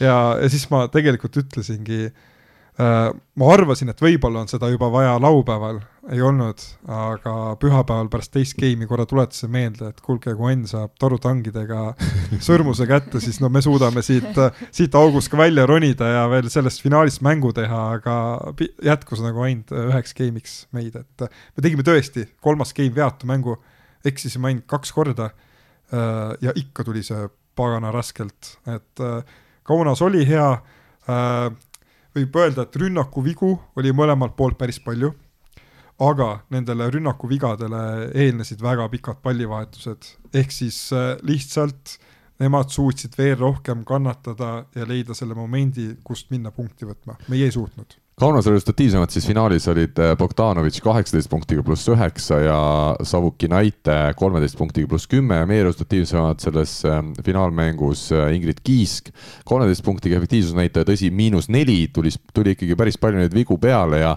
ja eks äh, Ingrid oli ka ilmselt see mängija nüüd Tartu poolel, keda Kaunas otsis ka, ka serviga, teades, et tema võiks ja peaks olema, kui mitte suurim, siis kindlasti üks suuremaid rünnakuvedajaid? no tegel-, tegelikult äh, Kiisk ise võib-olla tegi selle otsimise natuke lihtsamaks, et äh, et ta natukene tahtis võib-olla aidata teist nurgaründajat vastuvõtul liiga palju, et ja sealt äh, hakkaski tema enda mäng ka natukene nii-öelda kehvemaks minema. et see ongi see, mida ma nagu olen ka mitu korda öelnud, et ennem tuleb igal mängijal keskenduda oma asjadele, siis tuleb võistkonnal keskenduda oma mängule ja alles siis saab hakata tegelema kõige muuga. Et äh, meie seekord sellega hakkama ei saanud, aga loomulikult äh, teda jälgiti ka plokis rohkem ja me kõik teame, et aga et Ingrid Kiisk ei ole ka nüüd äh, maailma kõige võimsam nurgaründaja, ta on osav nurgaründaja ja võib-olla ta jättis teatud olukordades need oma trumbid kasutamata, aga noh, au talle, et ta nädala jooksul oli juba teinud neli väga-väga head mängu ja, ja kui, kui seal tulebki viiest mängust üks kehvem sisse, et et me kõik oleme inimesed ja ei suuda alati olla nii-öelda superhead. sest, sest me olime tõesti, kõik olime natuke kehvad ma ütlen äh, juurde ära veel selle, et kui Kiisk tõi kolmteist punkti, siis äh, finaalis Laura Reiter, kes, kelle sa ka vahetasid vahepeal Renate Pika vastu välja, lõpuks ikkagi kogus kaksteist punkti efektiivsusnäitaja pluss kolm, tema oli see teine nurgaründaja ühtlasi, kellest äh, juttu oli. ja Ingris Suvi siis finaalis üheksa punkti efektiivsusnäitaja miinus kolm ja Eliise Ollas veel nende vahel seal kümne punktiga pluss kaheksa, no Eliise Ollas on muidugi alati oma tuntud headusesse, oma punktid toob ära ja, ja rünnakuid lahendab hästi. Kas Hendrik mingil hetkel oli ka see olukord, kus te noh, ma ei saa öelda, et olite rahul, aga, aga võib-olla lihtsalt tõdesite, et noh, ega siit või oli äkki sihuke tunne, et ega siit ei olegi nagu rohkem midagi püüda, sest Kaunas on lihtsalt nagu sa ütlesid, isegi veatu mänguga tuli see, tuli see kolmas skeem ikka väga keeruliselt, et, et nagu sa lihtsalt te proovisite ju nagu erinevaid asju, aga mingil hetkel mulle tundus, et seal mingi skeemi lõpus, kui juba olukord oli selge, tekkis ka selline natuke sihuke käega, äkki see oli teise geimi lõpp või, või päris neljanda lõpp, kus noh, tekkis natuke sihuke juba, et okei okay,, siit ei tule enam midagi ja pallid hakkasid suhteliselt lihtsasti nagu seal, seal maha kukkuma, et lihtsalt noh, proovisid, proovisid, proovisid, aga noh, ei olnud varianti, kõik kohad olid kinni nagu. Äh, jah, see loobumise hetk äh, võib-olla, ei ütle loobumise hetk, aga ütleme, et teine game tundus tõesti, et äh, siin ei olegi täna midagi teha aga samas olid juba mingid mõtted, mida nagu kolmandas muuta, me muutsime natuke asetust ja see tegelikult tõigi ka edu. Äh, neljandas tegelikult ju viisteist, viisteist seisuni oli äh, asi võrdne. siis oli kaks sellist nagu hästi pikka pallivahetust ja üks pall, mille nad tõid kuskilt ulmelisest kohast ära ja meile kukkus liht-, lihtne ületulev pall lihtsalt maha. et kui tavaliselt me lähme sellise palli puhul äh, kahekesi kokku ja võib-olla sellepärast pall kukub maha, et me ei suuda ära jagada, kes mängib, siis seekord jooksis kõik nagu laia lehte laiali. ehk see näitas ka natuke selle mängu iseloomu, et, et me olimegi natuke sellised võib-olla noh, arad ja ei, ei julgenud asja ise ära otsustada, aga, aga ma ütlen veelkord, et Kaunas igal juhul mängis enesekindlalt ja hästi ja nad olid seda tiitlit väga kaua jahtinud no ma ütleks võib-olla kokkuvõttes lihtsalt, et kaks Eesti klubi nelja parema hulgas on hea tulemus ja ma arvan, Tartu jaoks hõbemedal on, on väga hea ütleme, selle aasta maksimum, mis neil Balti liigas oli reaalselt võimalik saada, et seda, see Kaunas lihtsalt oli nagu selgelt, selgelt üle, et, et noh, jah, ja, ja ütleme, põhiturniiri mõistes ju nii-öelda mängisite isegi ühe koha võrra kõrgemale ennast, kui põhiturniiril olite jah, et äh, kõike arvesse võttes ma arvan, et äh, hõbemedaliga igal juhul peab rahule jääma. Äh, ja mul on hea meel, et liigasse lisandus mitu uut naiskonda ja kaks neist, Joonava ja Tallinna Ülikool KIKAS, olid ka ilusti Final Fouris ja tõstsid selle liiga taset terve hooaja vältel aga selle sõnumiga, et tartlanad siis võitsid juba kuuendat aastat järjest Balti liigas medali ja kindlustavad, ütleme ka oma. tuleb ka seitsmes. tuleb ka seitsmes aa, kas tuleb ka siit uudis kohe, et Hendrik Rikand jätkab peatreenerina järgmisel hooajal Tartu naiskonnas? selle uudisega saab veel oodata. selge, on seal teisi kandidaate? saladus. selge, selle saladuse loori pealt siis hoopis me lõpetame selle teemaploki ja võtame ette järgmise. kes võidab keda, kas sina oskad ennustada seda? spordiennustus portaalis Pahv Pahv lööb pahviks. aga läheme edasi siis tänase saatega. Pahv, meie hea toetaja ja Pahvi ennustusmängu rubriik. Äh, esiteks võib-olla vaatame üle selle seisu, see seis nüüd küll kuigi, kuigi hea minu vaatenurgast ei ole läks mul see suur kombopanus mööda kohe sellega, et Belhatov ja Robert Täht kaotasid äh, siis eurosarjas tähtsa mängu ja äh, finaali CEF Cupis ei jõudnud, äh, nii et saja üheksast eurost jäi seitsekümmend üheksa alles. võistkond sõbrad ja vennad Saared tegid ära nii-öelda sõprade keskmise tulemuse ehk siis viiekümne kahest eurost jäi alles kakskümmend kaks, samuti maksimum miinus kolmkümmend ja kes meil siis veel oli, Alar Rikberg ennustas ühe asja õigesti, aga aga ka Belhatoviga läks aia taha, nii et saja üheksakümnest eurost jäi alles sada seitsekümmend kaks. Mihkel, sina ei, ei löönud kaasa ja kerkisid tänu sellele Laarist ühe euroga mööda, sul on sada seitsekümmend kolm eurot. jaa, üle pika aja tegin väikse pausi, aga ma olen valmis täitsa sellenädalased kolm, oma klassikalised kolm ennustust ära ütlema, et äh, nagu siis ikka kümme, kümme ja kümme ehk äh, igale mängule siis äh, naiste Bundesliga's on Münster mängimas Straubinguga, nii et Münsteri peale kümme eurot koefitsiendiga üks koma viisteist. siis on teine mäng oli naiste meistrite liigas on Monza mängimas Cornelianoga ja seal kusjuures Monza on kaks koma kolme koefitsiendiga ja ei ole favoriit, aga ma panen Monza peale siis kümme ja kolmas kümme läheb Civitanova peale siis meistrite liigas koefitsiendiga üks koma kakskümmend viis nii, Hendrik, sul on nüüd valida. eelmine kord sa esindasid äh, meest nimega Alar Rikberg, kes ka kuuldavasti on sul tööalaselt päris lähedalt seotud. teine variant, me anname sulle võimaluse ka Kristjan Kaisi esindada, saad ise valida, kumma sa võtad. Äh, ma tegelikult võtaks selle Alar Rikbergi ikkagi. nii, sa oled ükskord teda aidanud juba? ma ühe korra teda aitasin, et äh, ma ei tea, kas ma seekord aitan või mitte, aga, aga ma mäletan hästi, et ma panin tookord Real Madridi peale äh, kes üllatas oma noore koosseisuga korvpallis Moskva CSKA-d. ja ma seekord ka võtaksin ühe panuse, paneks Real Madrid, mängib täna Belgradi Zvedas, Zvenas Vestaga või kuidas see nimi ongi. väga hästi tuli välja. Nad mängivad äh, võõrsil, Real Madrid on saanud tegelikult jubedalt kolki kõik mängud, äh, aga ma ikkagi usun neisse, see koefitsient pole suur, üks koma nelikümmend kaheksa, aga paneks viisteist eurot siis sinna peale mm. -hmm ja ma jääks teise ennustuse juures ka korvpalli peale. ma usun, et Berliini Alba üllatab neljapäeval äh, olümpiaakost ja võidab kodus, et seal on kolm koma null see koefitsient. et see võiks olla selline väike üllatustulemus ja no mine tea, äkki üllatavad ma ütlen enda ennustused ka vahel ära. Äh, mina siis äh, ütleme sellise sügava Prantsusmaa võrkpallieksperdina äh, pakun, et Nice, kes on tabelis seitsmendal kohal, võidab Tursi, kes on juba no põhiturniiri sisuliselt võitnud ja koefitsient kolmkümmend, kolmkümmend viis ja nendel on siis veel heitlus seal põhiturniiri kuuenda-seitsmenda koha eest ja kodus mängivad, nii et sinna läheb siis kakskümmend eurot ja teine ennustus, mis ma näen äh, siit, äh, on siis äh, seotud meistrite liigaga ja ma teen kohe sellise üllatuspanuse ja ütlen, et, et Jašembja võidab võõrsil Civitanova Lubet. kolm koma kuus on koefitsient ja sinna läheb siis ülejäänud raha. Aga Melissa, me anname sulle võimaluse ja võtame päris sellise mm, ka huvitava paari. Trentino, Itaalia suurklubi, mängimas meistrite liigas Berliiniga. Berliini on juhendamas Cedric Enard, kes me teame, on äh, endine Eesti koondise peatreener. Berliin on teinud hea hooaja, aga Trentino on ikkagi suur favoriit. Trentino mängib kodus ja koefitsient üks koma üks ehk siis no tundub, et kõik arvavad, et nad võidavad. Berliini koefitsient kuus koma viis. sinul kui siis seekord sõprade võistkonna esindajal on võimalus kolmkümmend eurot kuhugi saata ja kumma peale sa nüüd paneksid, kas Trentino või Berliini peale?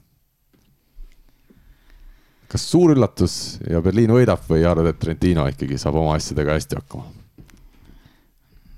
no võrkpall on üks huvitav mäng, panen Berliini peale õige. ootame üllatust. just, ja see on ju sõprade traditsiooniline panus, ehk siis miski, mis äh, ei pruugi tõeks saada. vaatame, kas läheb tõeks, aitäh sulle, Melissa, selle panuse eest ja me ütleme siis nii palju ära ka, et kaks võistkonda on meistrite liigas juba pääsenud poolfinaali, kuna Vene klubid eemaldati turniirilt. Perugia siis sai kaks äh, loobumisvõitu Peterburi seniidi vastu ja äh, ja Saksa võistkond siis, mida ühendab Georgi Kretsu, sai kaks loobumisvõitu Moskva Dünamo vastu. aga selle mõnusa sõnumiga läheme edasi ja võtame järgmise teema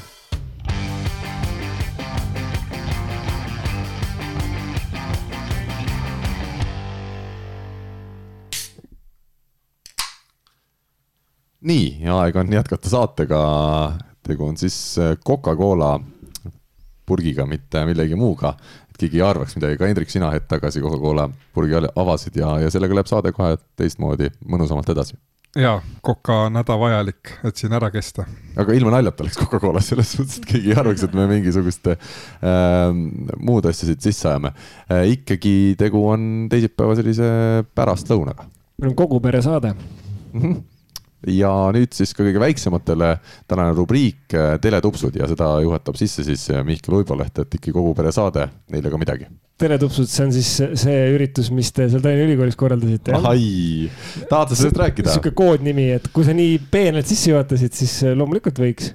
ma saan siis aru, et Eesti meeste esiliigas selline põnev juhtum, kus suveräänseks liidriks osutunud võistkond suveräänne see aasta enam ei olnud liiga. no ikkagi selgelt no, ütleme põhiturniiri võitja no,. suhteliselt selge. no okei okay.. no seal ei olnud ju nüüd selline. no ikka lõpuni välja oli päris no, huvitav. oli jaa, aga ütleme, et ikkagi tugevam võttis oma lõpuks, et siis kui peaks veerandfinaalis mängima muidu siis kaheksandal kohal platseeruva võistkonnaga, siis nüüd ollakse ise järsku see kaheksandal kohal asuv võistkond ja mängitakse siis Rakverega.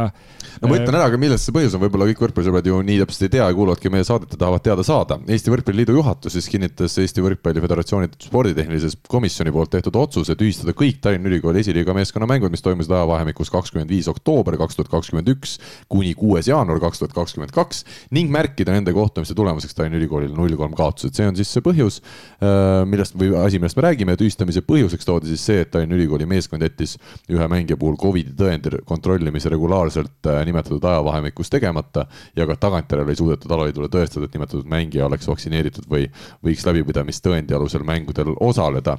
ja no olgugi, et võrkpalliringkondades on see nimi ka teada ja juba üksnes selle ajavahemiku kaudu saab ju tegelikult aru, kellega tegu oli, siis mina ei teagi, kuidas on, kas praeguse nende isikukaitseseaduste ja kõige muu valguses üldse tohib öelda välja, kellel on testid tehtud ja kellel mitte või need vaktsiinid? ma ei tea, kas noh, selles mõttes ei tohi jah, kui inimene ise ei taha nüüd oma terviseandmeid avaldada, aga ma arvan. ma arvan, et see ei ole ka asja point. ma arvan, et see ei ole nüüd niivõrd asja point, mõnes mõttes küll on, sest mina arvan, et ka seda mängijat peaks karistama. selles mõttes, et see mängija ju teadlikult osales pettuses ja tegi seda koostöös klubiga ja see tähendakski, et see mängija võiks rahulikult äh, järgmise aasta või hooaja lõpuni või millal iganes, mis, mis see, mis see tärmin on, võiks selle lõpuni jalga puhata ja, ja, ja vaadatagi neid mänge kõrvalt, et see oleks aus, mingit pidi aus karistus. aga, ja selle kaudu tuleks see nimi ka, ka välja, aga noh, see ei ole nüüd küsimus, et kes konkreetselt tegi, et pigem on huvitav vaadata seda olukorda, sellepärast et seda ei juhtu väga tihti, et äh, tagantjärgi hakatakse mänge tühistama, eriti veel sellises koguses ja eriti veel asja pärast, mis tegelikult ei ole äh, seotud spordiga. selles mõttes, et äh, see oli ju riiklik määrus, mida rikuti, see ei olnud ju alaliidu mingisugune sportlik kriteerium, mida rikuti. et mis, mis ei tähenda, et ei tuleks karistada, et ma arvan, et pettust, teadlikku pettust peab igal juhul karistama, et selle, selle poolt ma olen. mina võib-olla oleks teinud natuke teistsuguse karistuse, see, mis tehti, on ka üks võimalikest variantidest, ma ei ütle, et see kuidagi vale on. et äh, siin ongi põnev lihtsalt arutada, et mis variandid oleks veel võinud olla, noh näiteks üks variant oleks äh,, mina isiklikult oleks mängijale määranud mängukeelu ja Tallinna Ülikooli hooaja kuulutanud lõppenuks lihtsalt ja kogu lugu. et äh, praegu äh, nii nagu äh, siin Prantsuse revolutsiooni aegne sihuke tuntud lause on, et revolutsioon sööb oma lapsed, ehk siis praegu ma saan aru, et kibedad konkurendid, kes juhtisid tähelepanu sellele, et äh, selline rikkumine aset leidis, leiavad ennast ise keerulisest olukorrast, minnes veerandfinaalis vastamisi sellesama võistkonnaga, kelle osas siis äh, seda revolutsiooni algatati. jällegi, mis ei tähenda, et ei oleks pidanud tähelepanu juhtima, et äh, nõus, väga õiget juhiti ja see, mis, mis tehti karistusena, on täiesti üks, üks mõistlikest vahenditest. aga ma oleks lihtsalt soliidsuse mõttes võib-olla öelnud, et kuulge, et äh, teil toimus niisugune asi seal võistkonnas, äh, lepime kokku, et te ei osale nendel edasistel mängudel ja, ja see, see mängija võiks, võiks siis nagu ka puhata vähemalt, vähemalt aasta lõpuni. sest noh, praegune olukord tekitaski äh, sellise huvitava, huvitava debati, et noh, näiteks kasvõi, kasvõi sellesama üle, et, et tegelikult ju need, need mängud, mis läksid tühistamisele, ei toimunud mitte ainult Tallinna Ülikooli kodumängudena, vaid toimusid ka võõrsil, vähemalt kaks mängu või kolm mängu olid minu meelest võõrsil. ja siis mul tekib küsimus, et kui ma lähen spordihoonesse, näiteks isegi kui ma käisin siin Rahvaliiga äh, Äh, ühel mängul koha peal, ma lähen äh, saali sisse, saali administraator küsib mu käest esimese asjana Covid tõendit, enne kui ma astun sisse. kuidas on võimalik, et meeste esiliigas näiteks Rakveres, kus seal mingid mängud toimusid või ka Kiilis äh,, kuidas on võimalik, et ei küsita tõendit. Või siis, kui küsitakse, ma lugesin siin võrkpalligrupis kommentaaridest, et väideti, et noh, et justkui öeldi, et noh, see mm, QR koodi lugeja justkui ei töötanud, siis prooviti selgitada, et, et see ikkagi nagu peaks tegelikult töötama, noh, sihukest vaidlust ei saa nagu olla, et tegelikult äh, see on ju, siin ei ole küsimus võrkpallialaste reeglite täitmises, vaid küsimus on Eesti riigi, äh, siis Vabariigi Valitsuse määruse täitmises ja seda oleks pidanud ju, seda peab kontrollima eelkõige selle hoone omanik või nagu selle spordikompleksi valdaja. et, et seal olid nagu, sealt tekkisid nagu huvitavad küsimused, et, et, et kuidas selline asi olla, ma vaatasin Äh, Tallinna Ülikooli kapten äh, tegi seal võrkpalliklubis ka väikese postituse ja vabandas väga-väga kena temast ja nii, ma arvan, ongi mõistlik, mõistlik teha lihtsalt noh, see, et nüüd minnakse kokku veerandfinaalis, esimene ja kaheksa omavahel, mina isegi selle üle nagu väga ei, ei põeks, et see on noh, nii lihtsalt juhtus, et see ei olnud ju kellegi poolt ka nagu planeeritud ja lõpuks, kui sa tahad äh, võitjaks tulla, sa pead kõiki võitma ja see on siis lihtsalt sihuke äh, halb juhus, aga jah, see on sihuke huvitav teoritiseerimine, et noh, näiteks kui kui näiteks dopinguga oleks tagantjärgi keegi vahele jäänud, siis ei oleks tulemusi tühistatud, vähemalt võistkonnaaladel on selline praktika, et kui kui sul üks mängija jääb vahele äh, või, või, või ka kaks, et siis äh, ei minda veel tulemuste kallale. kui on nüüd rohkem, kui see pettus on suurem, siis hakatakse ka mänge tühistama ja tiitleid ära võtma. et ähm, ja noh, ma hakkasin mõtlema veel selle üle, et, et huvitav, mis siis oleks tehtud, kui, kui see oleks nagu välja tulnud veel pikema aja tagant, et äh, kui kaugele oleks oleks siin võinud nagu minna nende, nende tühistamistega ja et kui nüüd veel tuleb kuskilt midagi välja, et kus see, kus see nagu, kus see nagu piir tõmmata, et ega see, ega siin nagu ähm, see on keeruline olukord ja siin nagu leida mingit lahendust, mille osas kõik ütleksid, et jaa, õige äh,, on väga keeruline, aga see on sihuke huvitav teema, mille üle teoritiseerida, ma ei tea, sa oskad, Karl äh,, Tallinna Ülikooli mängijana selle kohta midagi äkki öelda? Äh, no mõistagi jah, ma ei hakka Tallinna Ülikooli meeskonna sees toimunud äh, väga tuliseid arutelusid avalikustama, aga noh, selge on see, et Tallinna Ülikooli ridades mängib jätkuvalt mitmeid väga värvikaid äh, tegelasi, kellel on iga teema puhul alati oma arvamus. aga no mis oli ka minu nagu see sõnum, mis lõpuks ka siis Urmas Piik, meie kapten, nagu sa ütlesid, väga ilusti välja ütles, et oligi piinlik lihtsalt. et kui ta on tegelikult no oleme ausad, on lihtsalt reegleid eiratud, mis on siis riigi poolt äh, seatud need reeglid treeningutel, mängudel koroonapassi mängijatel regulaarselt ei kontrollitud ja, ja no siin ongi see asja tuum, et kui seda ei tehtud, siis noh, seal ei olegi midagi teha. ükskõik, mida alaliit otsustab, ükskõik, millised on sanktsioonid, kui oled julgenud teha, siis peab julgema ka vastutada. et äh, seal ei ole nagu enam midagi ju vaielda, et kas on ka konkureerivad klubid süüdi, et nad piisavalt hästi ei kontrollinud, kas alaliit seda otsustusprotsessi tegi õigesti, viga oli ju tehtud juba, see oli ju selge reeglite rikkumine ja nüüd tuleb siis vaadata vaadata, mida otsustada ja sellega leppida, aga ma ütlen jah, mis kokkuvõttes on nagu noh, ma ei, ma nagu ütlen kõige ikkagi mm, nagu kurvem on see, et tõesti Rakvere, kes on teinud superägeda hooaja, Kaspar Pomerants seal sidemängijana, hea sõber-tuttav, tead, tegemas väga head hooaega ja meeskond on tõesti selle põhiturniiri nüüd ütleme siis ka esikoha ju täielikult välja teeninud oma mõjuga. Läheb veerandfinaalis vastupidi, jah, Tallinna Ülikool pärast Karel Ellermaa Selverisse lahkumist ei ole enam üldse ütleme nii domineeriv seal esiliigas, nagu ta oli varem ja, ja Rakvere võib neid taas ka võita, nad on juba korra võitnud vist, eks aga, aga noh, Rakveret karistatakse nagu kõige rohkem siin, et, et see on lihtsalt see, et mina, mind huvitab, et siin võib veel vist lähipäevil midagi selguda, mis edasi saab, kuna põhiturniir ju tegelikult on alles läbi saamas. aga no lihtsalt tundubki see, et see karistus, et Tallinna Ülikool ei saanudki põhimõtteliselt karistada selle eest, et, et kõige rohkem no, oli Rakvere võistkond. no eks nad ikka said selles mõttes, et nemad oleks ju muidu võitnud põhiturniiri ja minnud, läinud omakorda siis kaheksanda koha võistkonnaga vastamisi, kes oleks no, olnud. võrreldes Rakverega ei ole see mingi karistus täna e ja noh, ja ütleme selle eelneva jutu juures veel, mis, mis oluline võib-olla tuleb rõhutada, et see, see, see tegevus ei olnud äh, mingi kogemata asi, vaid see oli teadlik tegevus selle koroonatõendi siis nagu noh, see, see selline pettus, vahet pole, mis pettus, kas ta varjati mis tahes andmeid, see oli nagu teadlik tegevus ja see on noh, siin ei ole oluline nüüd see, et no siin on vaata see küsimus, mida me arvame sellest, et mis on see vaktsineerimine või üldse, see, see pole üldse oluline teema. reeglid on kokku lepitud, nendest reeglitest mindi mööda teadlikult, vahet ei ole, kas esitati valeandmeid koroona kohta või ma ei tea, mänge litsentsi kohta või mille iganes kohta. et see on nagu väga-väga lihtne ja selge, aga noh, ja jällegi mina nagu isegi seda üle nüüd tähtsustaks, et see on nüüd sihuke nagu noh, sihuke mugavus äh, äh, mugavuse asi juba või noh, juhuslik asi, et jah, okei okay,, minnakse veerandfinaalis kokku, aga mis teha siis? noh, selles mõttes, mis teha, et loomulikult see oleks võinud olla potentsiaalne finaal, aga noh, jah, asjaolud on lihtsalt sellised, et siin ma nagu ei, esimese hooga ei süüdistaks nagu kedagi, minu arust lihtsalt jah, võib-olla kuidagi ausameelsem mingi nurga alt eh, oleks tõesti nagu öelda, et kuulge, sorry, et me ei tule siis nagu play-off'e mm. mängima ja, ja noh mõne nurga alt.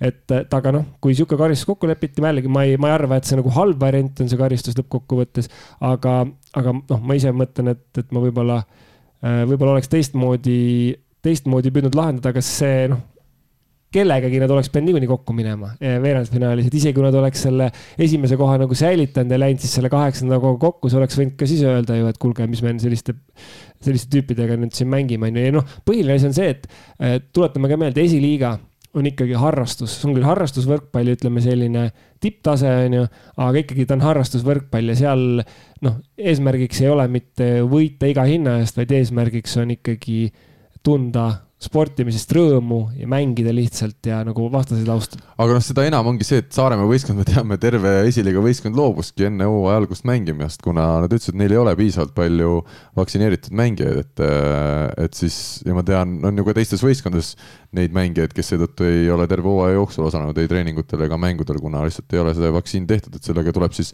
arvestada, kui see on tegemata. aga üks üldine küsimus on jah see, et, et kus neid üldse kontrollitakse, nagu sa ütlesid, osades spordihoonetes sa ei saa ju sissegi, eks ole ole. aga, aga teised spordialad on jälle sellised, kus ei ole konkreetset administraatorit ja ongi natukene võib-olla lihtsam sinna saali ka minna, et, et see on selline ja, laiem küsimus. siin on veel, siin on veel üks oluline äh, nagu aspekt, kuidas sellele asjale vaadata, et mingis mõttes ma tahaks ka öelda niimoodi, et kuna see ei ole sportlik kriteerium tegelikult, see on riigi poolt äh, määrus selleks, et üleüldse saaks siseneda spordisaali. et siis äh, ma saan aru, et siin on teatud mõttes nagu kahvel, et et, et kuidas ja, ja mida, on ju. et, et aga noh, mingi nurga alt ma tahaks üldse öelda, et nagu mängu tulemuste tühistamisega võib-olla noh mm, on üks variant, oleks ka ikkagi mitte karistada ja olekski karistada selliselt, et seda konkreetset isikut või isikuid, kes, kes teadlikult pettuse toime panid. aga seda ei õnnestu välja selgitada, noh. no üks isik on, üks isik on kindlasti teada ja. ja teine isik on paratamatult võistkonna esindaja kas, kes peab selle asja endale selgeks tegema, kes vastutab, kas ta tahab või mitte. et need on kaks, kaks isikut ja võib-olla noh, kuna ütleme jällegi sportlikult, kui me võtame puhtalt sportlikult, siis ei olnud siin ju selles mõttes vahet, et, et noh, ei saadud nagu noh jah, saadi kasu mängijast, kes, kes ei oleks tohtinud nagu justkui seal mängida, aga see on, see oli nii-öelda koroonareeglitest lähtuv, mitte siis nagu sportlikest reeglitest lähtuv. et noh, ma ei tea, kui me hakkame siin väga teoritiseerima, et kujutame ette, et kui seal oleks mõni äh, vangist äh, jooksus olev äh, kinnipeetav ja, ja tuleks, mängiks oma nime all ilusti selle mängu ära ja siis politsei pärast mängu võtaks ta kinni ja viiks ta tagasi sinna vangimajja, et kas siis see mäng tühistataks pärast või? Et nagu, äh, kui tuua selline groteskne näide, et, et ka riigiseadus, äh, samas nagu noh loomulikult ei saa ju üks spordiala seda soosida, et, et jooksus, jooksus olevad vangid hakkavad mängima või midagi taolist, onju. aga noh, printsiibina, et nagu spordil äh, ei olnud nagu sellega, et see, on ka üks nurk, kuidas asja vaadata, ma ei ütle, et, et see ilmtingimata on nagu see, see õige nurk, aga, aga nii võiks ka vaadata, öelda, et teate Äh, sportlikult toimusid mängud, mis toimusid. kuna tegemist oli lihtsalt põhimõtteliselt pettusega, siis me ei hakka mingeid mänge tühistama, me võtame, äh, üks variant, võtame võistkonna maha või punkt kaks Äh, ikkagi karistame konkreetset isikut, pluss karistame näiteks võistkonna esindajat, kui ei õnnestu rohkemat midagi välja selgitada ja lähme eluga edasi. see oleks ka üks variant, kuidas asjast mõelda mm.. just see tundub nagu loogiline jah, et mängija pluss võistkonna esindaja äh,. sest tegelikult ma tean, et ka vist võistkonna esindaja ei teadnudki mingi hetkeni seda, seda juhtumit, et äh, oli kõik nagu usalduse peale üles ehitatud, aga noh, taolist asja nagu me näeme tagantjärele, alati ei saa usalduse peale üles ehitada, aga noh, samas ongi ka see, et, et kui see on võistkonnaala ja mängija on selles võistkonnas, siis konkurendid küsivadki, et aga miks siis äh, võistkonda ei karistata, kui. ja see ongi sihuke hea filosoofiline teema, et kust maalt läheb see piir, et millal karistada võistkonda ja millal mitte, et, et ähm, jah, Henrik.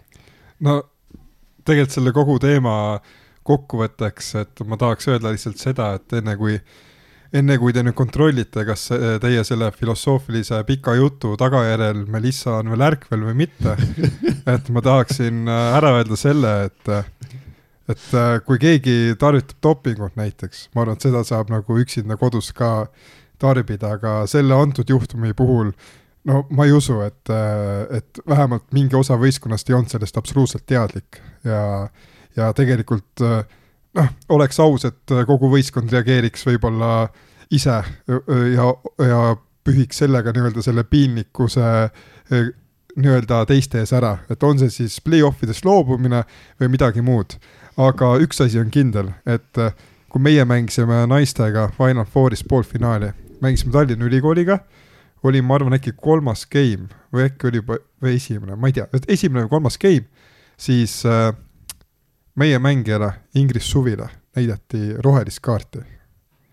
et äh, ütleme niimoodi, et äh, Tallinna Ülikool seda rohelist kaarti mitte mingil juhul nüüd enam ei saa, sest roheline kaart äh, näitab seda, et sa, et see mängija on äh, käitunud fair play äh, reeglite järgi, ehk siis Ingrid Suvi tõstis käe ülesse, kui küsiti, kas oli plokipuude. et äh, et Tallinna Ülikool oma rohelise kaardi unistuse võib igatahes ära unustada ja, ja mis mul on tore öelda, on see, et ikkagi nad või Tallinna Ülikooli võistkond ka ise nagu lõpuks vist mulle tundub, arutelu käigus jõudis, jõudiski ka selle seisukohani, et, et ongi valetegu nagu tehtud ja et ei olegi siin vaja üldse arutada selle üle, kas, kas ja mida teised valesti on teinud, vaid, vaid võtta karistus vastu ja öelda, et see oli piinlik ja, ja minna eluga edasi.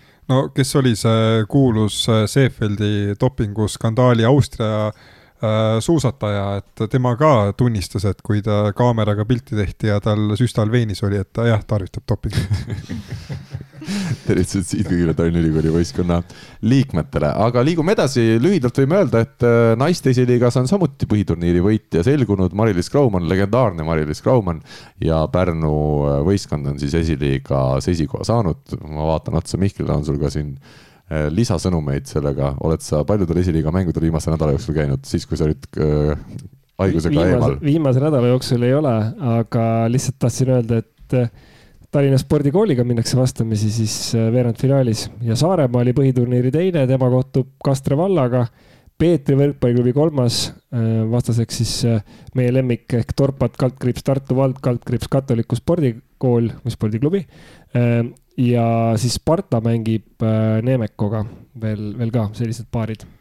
nii et põnevust on, on ka naiste esiliigas nüüd kõvasti tulemas. et ka ma tean lisada, et äh, seal nende viimaste mängude eel seal Pär-, küll Pärnu spordikool ka natuke arutas, et äh, kas seda viimast mängu oleks vaja võita või mitte, et kellega seal veerandfinaalis nagu parem mängida oleks, aga ju siis otsustati niipidi. kas Mari-Liis Graumanni me näeme Võru naiskonna ridades play-off'i ka mängimas äh,? ei, ei näe, sest äh, see otsus tuli nüüd ära teha, et kas jääb äh, esiliigasse või äh, meistriliigasse need mängijad, kes oli, kes olid nagu farmklubides äh, üles antud ja näiteks äh, TalTechi naiskond, kes peab äh, seitsmenda, kaheksanda koha mängu ka veel mängima, DBD Biodiscovery, Biodiscovery Tartuga, et sealt kõik need farmi mängijad otsustasid esiliiga kasuks, nii et ma ei teagi, kuus või, kuus või seitse mängijat, kes neil sinna alles jäävad, et nemad peavad nüüd selle hooaja lõpuni vedama aga tuleme nüüd siis äh, meie oma meeste Grade kakskümmend neli Eesti meistrivõistluste poolfinaalide juurde ja esimene mäng siis kolmapäeval äh, juba algamas on ja Tallinna Tehnikaülikooli spordihoones on siis vastamisi minemas TalTech ja Pärnu meeskonnad, keda me nägime ka Balti liigas siis finaalturniiril poolfinaalis kohtumas. Ja TalTech selle mängu võitis väga kindlalt. Äh, kolme võiduni. Poolfinaalseeriad toimuvad nii, nagu me harjunud oleme ja finaal siis mängitakse kas nelja võiduni peaks vist, vist olema. vist on küll neljane, jah. no igatahes poolfinaalseeriate pikkus on meile teada. neli mängu finaalis, jah. ja neli mängu ja siis on kõik. Tartul on plaanid tehtud?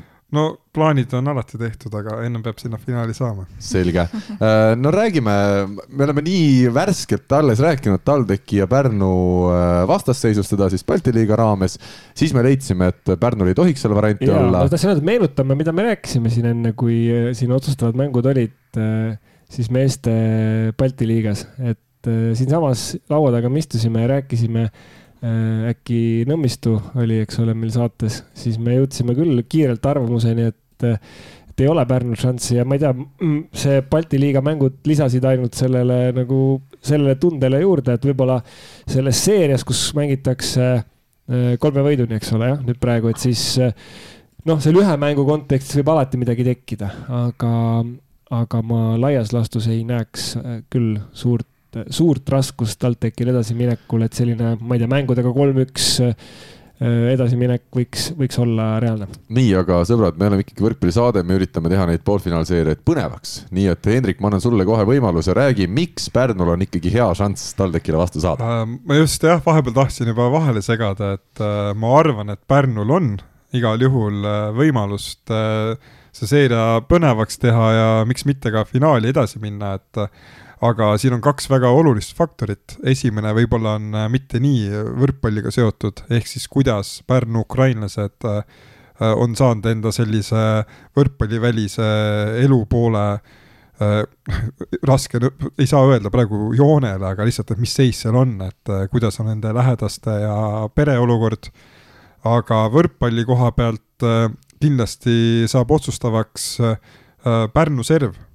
et kindlasti Pärnu ei servi nii kehvasti, nagu nad servisid seda äh, Credit kakskümmend neli meistriliiga poolfinaalis ja kui Pärnu saab näiteks ser-, sellise servipeo püsti pandud, nagu nad tegid seda mingi hetk äh, Amber Volli vastu, äh, siis ma tahaks küll näha, et äh, mis seal seires saama hakkab ja ma usun küll, et Pärnu seeria esimeses mängus võib-olla üllatab ja võtab, noh, minu eks ei üllata, üllata, aga et võtab sealt võidu ja alles siis läheb see seeria lahti.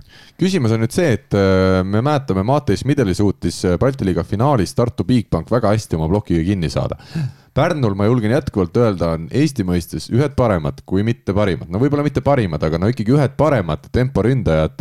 Švans, Masenko, selline duo, et äh, no nende ploki taha ei tohiks ju midagi jääda, nüüd on küsimuses, kas äh, saavad nurgamehed Pärnul, Žukov ja Kavalkanš ka oma ploki tööle, et, et suuta mingil moel ikkagi Smidelit pidurdada? jah, ma tahakski võib-olla seda ka öelda, et ma arvan, et äh, Tartu Bigbank näitas väga hästi ette, kuidas on võimalik Äh, TalTechi liidrit pidurdada. nüüd sõltubki sellest, äh, äh, kas ja kuidas Pärnu mehed sedasama plaani suudavad teostada ja kas TalTech on omakorda jälle juba mingid vastukäigud sellele välja mõelnud. sest sa rääkisid keskblokeerijatest, aga Smidli pidurdamisel tegelikult kõige olulisem on just nurgaründajate plokk ja nende kohavalik, et see on see, mis on Smithli pidu-, pidurdamisel nagu kõige olulisem, keskmine mees ei määra seal või ei mängi seal üldse nii suurt äh, rolli. Ja tegelikult ju libero näol on olemas, noh, kui me läheme nüüd ülispetsiifiliseks, on Pärnul olemas Silver Maar, kes suudab väga hästi kaitses tuua ka Schmideli rünnakuid üles, kui ülejäänud, ütleme, kaitsetaktika peab inust. jah, et Silver Maar, no ma arvan, et on ka hetki, kus ta mõtleb, et äh, ärge sinna plokki üldse minge, et ma toon rohkem üles ühesõnaga TalTech ja, ja Pärnus alustavad seeriat kolmapäeval. ja ma tahan veel öelda, Avo Keelel oli sihuke tähelepanuväärne tsitaat enne seda poolfinaali seeriat äh, ja seal on siis lause selline, et oleme valmis innuga poolfinaali mängima ja kuna tegu on seeriaga, siis loodame sellist lühikest ja löövat. ent oleme valmis ka pikaks ja kurnavaks. et äh, paralleel on muidugi õudne praegust aega mõeldes, aga lühike ja lööv pidi olema ka ilmselt Venemaa poolt vaadates äh, Eh, nõndanimetatud sõjaline operatsioon Ukrainas, aga praegu on see muutunud pika, pikaks ja kurnavaks, et selles mõttes arvestades, et Aavol on neid Ukraina mehi seal piisavalt, et siis nende sisu võib just tulla selle nurga alt, et eh, TTÜ arvab, et eh, tuleb sihuke lühike ja kiire ja aga, aga näed, ei, ei, ei lähe läbi, et, et praegusel ajal võib-olla natukene selline äh, tundub selline kohatu üldse selliseid äh, paralleele tuua, sest see, mis seal Ukrainas toimub, on, on niivõrd õudne, aga, aga kui, kui lihtsalt äh, tuua neid paralleele ja, ja lugeda neid tsitaate, siis paratamatult mõtted lähevad nagu sinna suunas ja need, need metafoorid kõlavad nagu selliselt, et, äh, et vaatame. Ähm, ikkagi jään TalTechi peale oma, oma panustega. mina ka, aga ma ütlen sarnaselt Hendrikule, et kui ühe mängu Pärnu ära võtab, siis see oleks nagu üllatus, et see, see kavalkants läheb kogu aeg üha paremaks, tuleb välja, et ikkagi saab vahel palli rünnakul maha ka ja, ja ei ole see vahe nüüd nii meeletu. mina olen valmis Pärnut siit üldse finaali ennustama, nii et. mis me vahele paneme? no paneme Koka, et siis on siin alati olemas nii Kokaleht kui Ibaleht, nii et ma just tahtsin öelda, et see Koka, et äkki täpsustad nagu, et Coca-Colast käib jutt, et, et siin midagi muud ei ole, aga ma just tahtsin küsida, kas Melissa, sina vaatad ka meeste poolfinaale ja kellele sina kaasa elad? Äh, jaa, ikka, ikka vaatan ja, aga olen nõus Rikandiga, et äh, pigem äh, kaldun arvama, et Pärnus siit toob muudatuse sisse ning on täiesti, on vägagi võimeline finaalis mängima. no nii, no nii, siin on juba mitu kokat mul sa oma sümpaatiat, sa avaldasid seda ikkagi ka minu parteis, eks ole äh,? ei, EKRE poolt ma ei ole. EKRE poolt, EKRE poolt ei ole ka mina, aga ei, aga see on ju selge, miks, ma saan aru, et Mihkel, sa oled TalTechi usku, on ju. ma olen TalTechi usku. aga no kui vaadates, no vaadates, kui palju TalTech mängib jalaga, siis no see on ka ju selge, miks Mihkel. jaa, no saared, saared, absoluutselt ei, mina ütlen küll jah, TalTech on selge favoriit. siin ei ole selles suhtes ei ole küll küsimus. üks väheseid asju, kus me Karliga nagu suudame mingi konsensuse leida, no tavaliselt me oleme nagu risti vastupidistel seisukohtadel. tema räägib, et Viljandi Metall hakkab Eesti meistriks tulema, mina ütlen, et ei tule. aga noh, siin on, me oleme vähemalt ühel seisukohal. ja, ma ei oskagi midagi lisada, ma, aga no jah, noh, jääme selle juurde, et ei no TalTech ikkagi peaks võtma ära selle ju ma olen nõus, jah, ma ütlengi, et Pärnul oma võimalus, aga seda põnevam on see. kolm-üks võib olla seeria üldkokkuvõttes mm, -hmm. selle, selle. sellega saab nõus olla, jah. selle üle ma ei imestaks, aga nagu kolm-kaks ja kõik teisele poole ehk siis Pärnu poole, siis, siis ma, siis võite mind häbiposti panna. see võib vabalt olla kolm-üks ka Pärnu poole, Mihkel, ei pea kolm-kaks olema. enne, enne kui pall mängu pannakse, võib vabalt kõik olla, sest noh, ma ütlen, et kui vaadata seda üldse seda eelmist nädalat, siis siis Viljandi ja Audentese esimene mäng. Lihtsalt, ma ütlen, mis võib, kõik võib juhtuda elus. Äh, teine game, Viljandi läks üksteist null juhtima selles, selles skeemis Julia Mõnnekmaa servidest. Äh, seejärel äh, jõuti siin seisuni üksteist viis, siis viisteist kolmteist, kaheksateist kuusteist, lõpuks jõuti kakskümmend kaks, kakskümmend kaks viigini sellest, sellest üksteist null seisust. ja siis loomulikult Viljandi võttis ikkagi oma kakskümmend viis, kakskümmend kaks, ehk siis kui sellised asjad on võimalikud, siis ma usun, et tõesti, et kõik on võimalik, aga ma ei usu, et seda on võimalik kolm korda järjest, et Pärnu võidab, nii nagu polnud ka Viljandi Viljandi ja Audentese mängus võimalik, et Viljandi rohkem kui ühe geimi võtab. oleks Pärnul natuke asisem sidemängija, ma julgeks nende peale rohkem loota, aga ei Soo Mauricio ega Richard Voogel ikka, no ei ole lihtsalt seda taset praegu, mis on vaja, et finaali jõuda, mulle tundub kokkuvõttes. aga läheme edasi, saame, saame seda siis näha. teine, teine poolfinaal, Tartu Bigbank alustab siis neljapäeval seeriat ja vastaseks on Tallinna Selver. eelmise aasta kaks valitsejat, nüüd lähevad poolfinaalis vastamisi, seisud hoopis teised, vähemalt äh, mängude eel. Tartu suur favoriit ja, ja Selver selge outsider. ma tahaksin nüüd vaadata ka, et kas Henrik on ka teisel arvamusel kui mina. et. mis sa ennustad, äh, Mihkel? et Tartu läheb kindlalt kolm-null seeria võiduga finaali. Henrik, kuidas sina arvad? no Mihklil on äh, selles mõttes spordiennustajana vähemalt potentsiaali, et kui tal on kaks korda vaja ennustada, siis ühe korra suudab ka õigesti et äh, siinkohal ma igal juhul äh, pean Mihkliga nõustuma, et igasugune muu tulemus oleks äh, üllatus äh,, kindlasti oleks Äh, Tartu Bigbanki jaoks äh, läbikukkumine, et noh, me teame, et siin võivad ka igasugused muud faktorid ju mängu tulla, aga peaks olema ka piisavalt äh, sügavust ja pikk pink, et, et siit Selveri vastu finaali minna. Ja kuuldavasti on ka Selver Tallinnal nagu probleeme mängijatega, vigastused, haigused ja nii edasi, et et ma arvan, siin seerias on võib-olla suurem küsimärk see, et kas Toobal on Toobal on mõlemal platsi poolel või mitte See... La. lausa nii, on sul sihuke info, et asi on nii hull? ei no päris nii hull vist ei ole, aga, aga vahepeal vist oli ka see oht. okei okay. Äh, Hendrik, küsimus sulle, kui nüüd peaks ikkagi Tartu Bigbank kaotama seeria kiiresti null kolm Tallinna Selverile, siis kas äh, juba pronksi seerias pead sa lisaks naiskonnale juhendama ka, ka meeskonda hooaja lõpus? Et sa, sa, me teame, sa võtad kõik tööd üle, mis on vaja Tartus äh, teha, mitte üldse, üleüldse Tartus, võib-olla seda ka, aga Tartu võrkpallis, jah. ja, ja tema on, ma arvan, ka selle taga, et vaata Tartus praegu tahetakse Võidusilla nime muuta, et ja. ta on ka selle taga, ma arvan tegelikult mm. -hmm.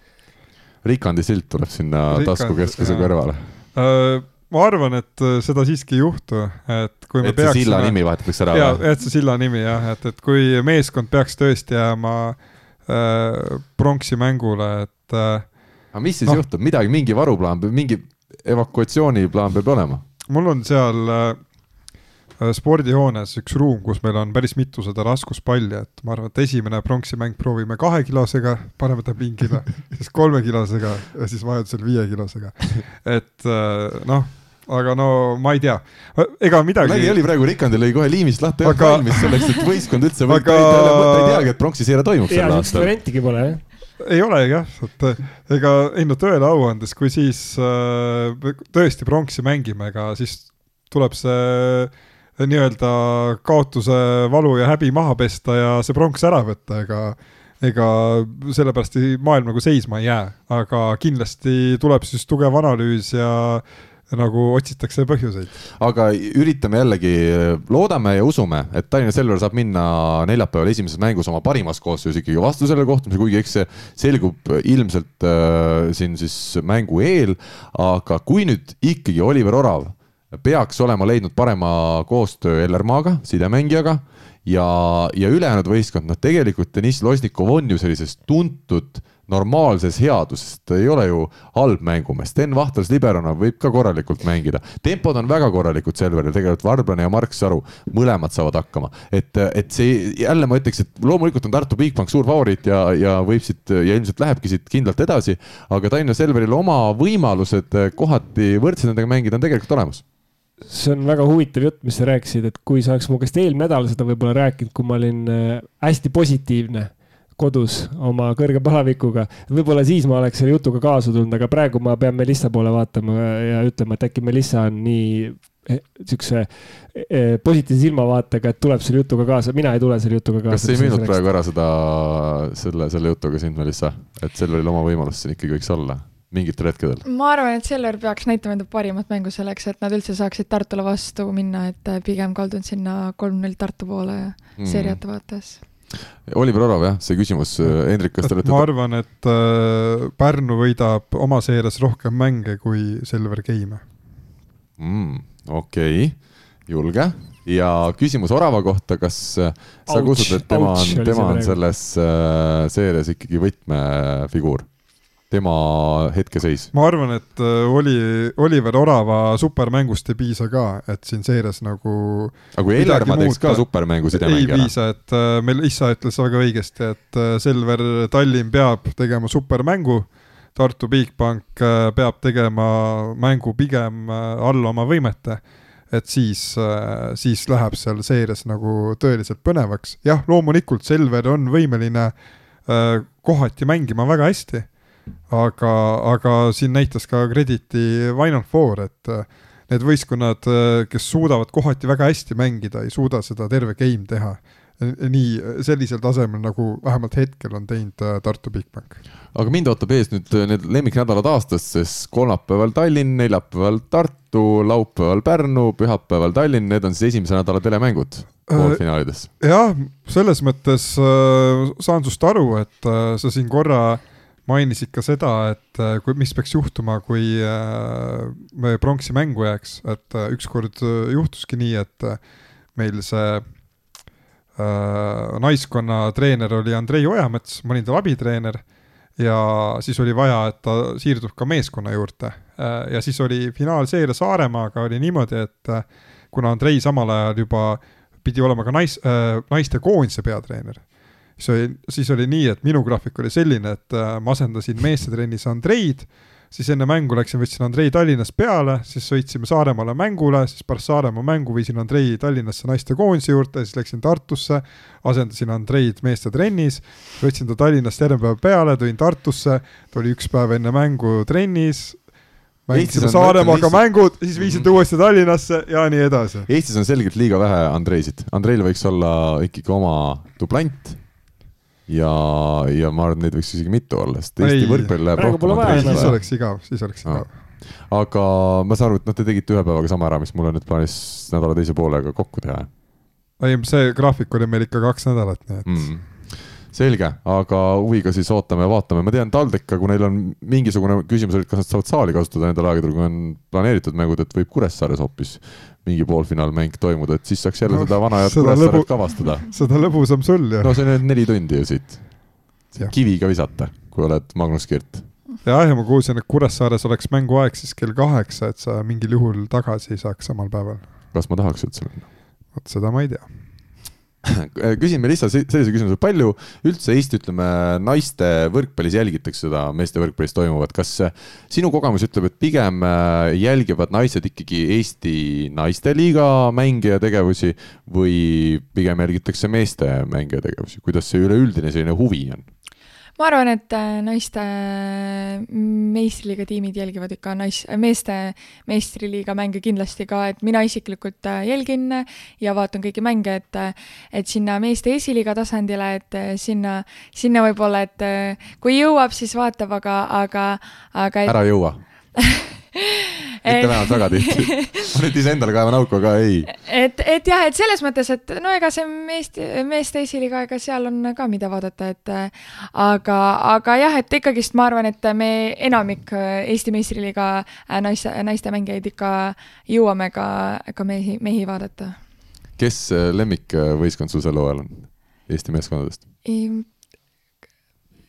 peab aus olema. Jah, et äh,. sa, sa tahaks öelda loomulikult Tallinna Ülikooli esiliiga meeskond, eks ole? ei, ei, ma, mulle ma, ma arvan, et ma ikka toetan to,, hoian püüalt see hooaeg ka Pärnule ja, ja isiklikult äh, Tom Schwantz äh, tundub mulle küll mängijana väga sümpaatne, et, et jah, et. ja ta on ka kusjuures väga sümpaatne, ta on tõesti sümpaatne Jaa. inimene, ma ei ole kuulnud ühtegi inimest, kes ütleks, et Toms on, Toms on nõus, kole mees. nõus, isegi Hendrik on nõus sellega. olen. miks sa siis oma võistkondade ei ole võtnud aastaid?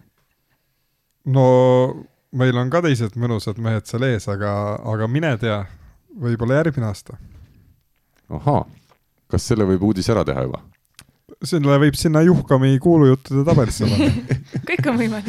mulle meeldis ka, kuna Rivo meil saates hetkel ei saa osaleda, siis kui oli, Juhkame tegi sellise siis koha, kus on Eesti klubide üleminekud, siis tema ütles, see võiks olla ka Eesti klubide altminekud, et selline eraldi tulp No. võiks olla. seal võiks lihtsalt see olla, et äh, Juhkami tegi tabeli, kus on üleminekud välisklubidesse, et äh, tegelikult äh, ma arvan, päris põnevaid äh, jutte ja äh, neid saaks ka äh, Eesti-siseste üleminekute osas. aga kas me saame ühe kokkuleppe, meil on saade ikkagi selline Eesti võrkpalli arendav saade, et kuna sina oled Tartu Bigbanki mänedžer, kas sa saad lep-, lepime sellise lubaduse kokku, et kui sul on üks asi teada, mis ei ole kuskil välja tulnud, et sa ise avalikustad võrkpalligrupis, kirjutad, et kuule, äkki Tom Schwanz liitub Tartuga ja noh, pärast tuleb ka välja, et selleks ajaks oli leping juba olemas.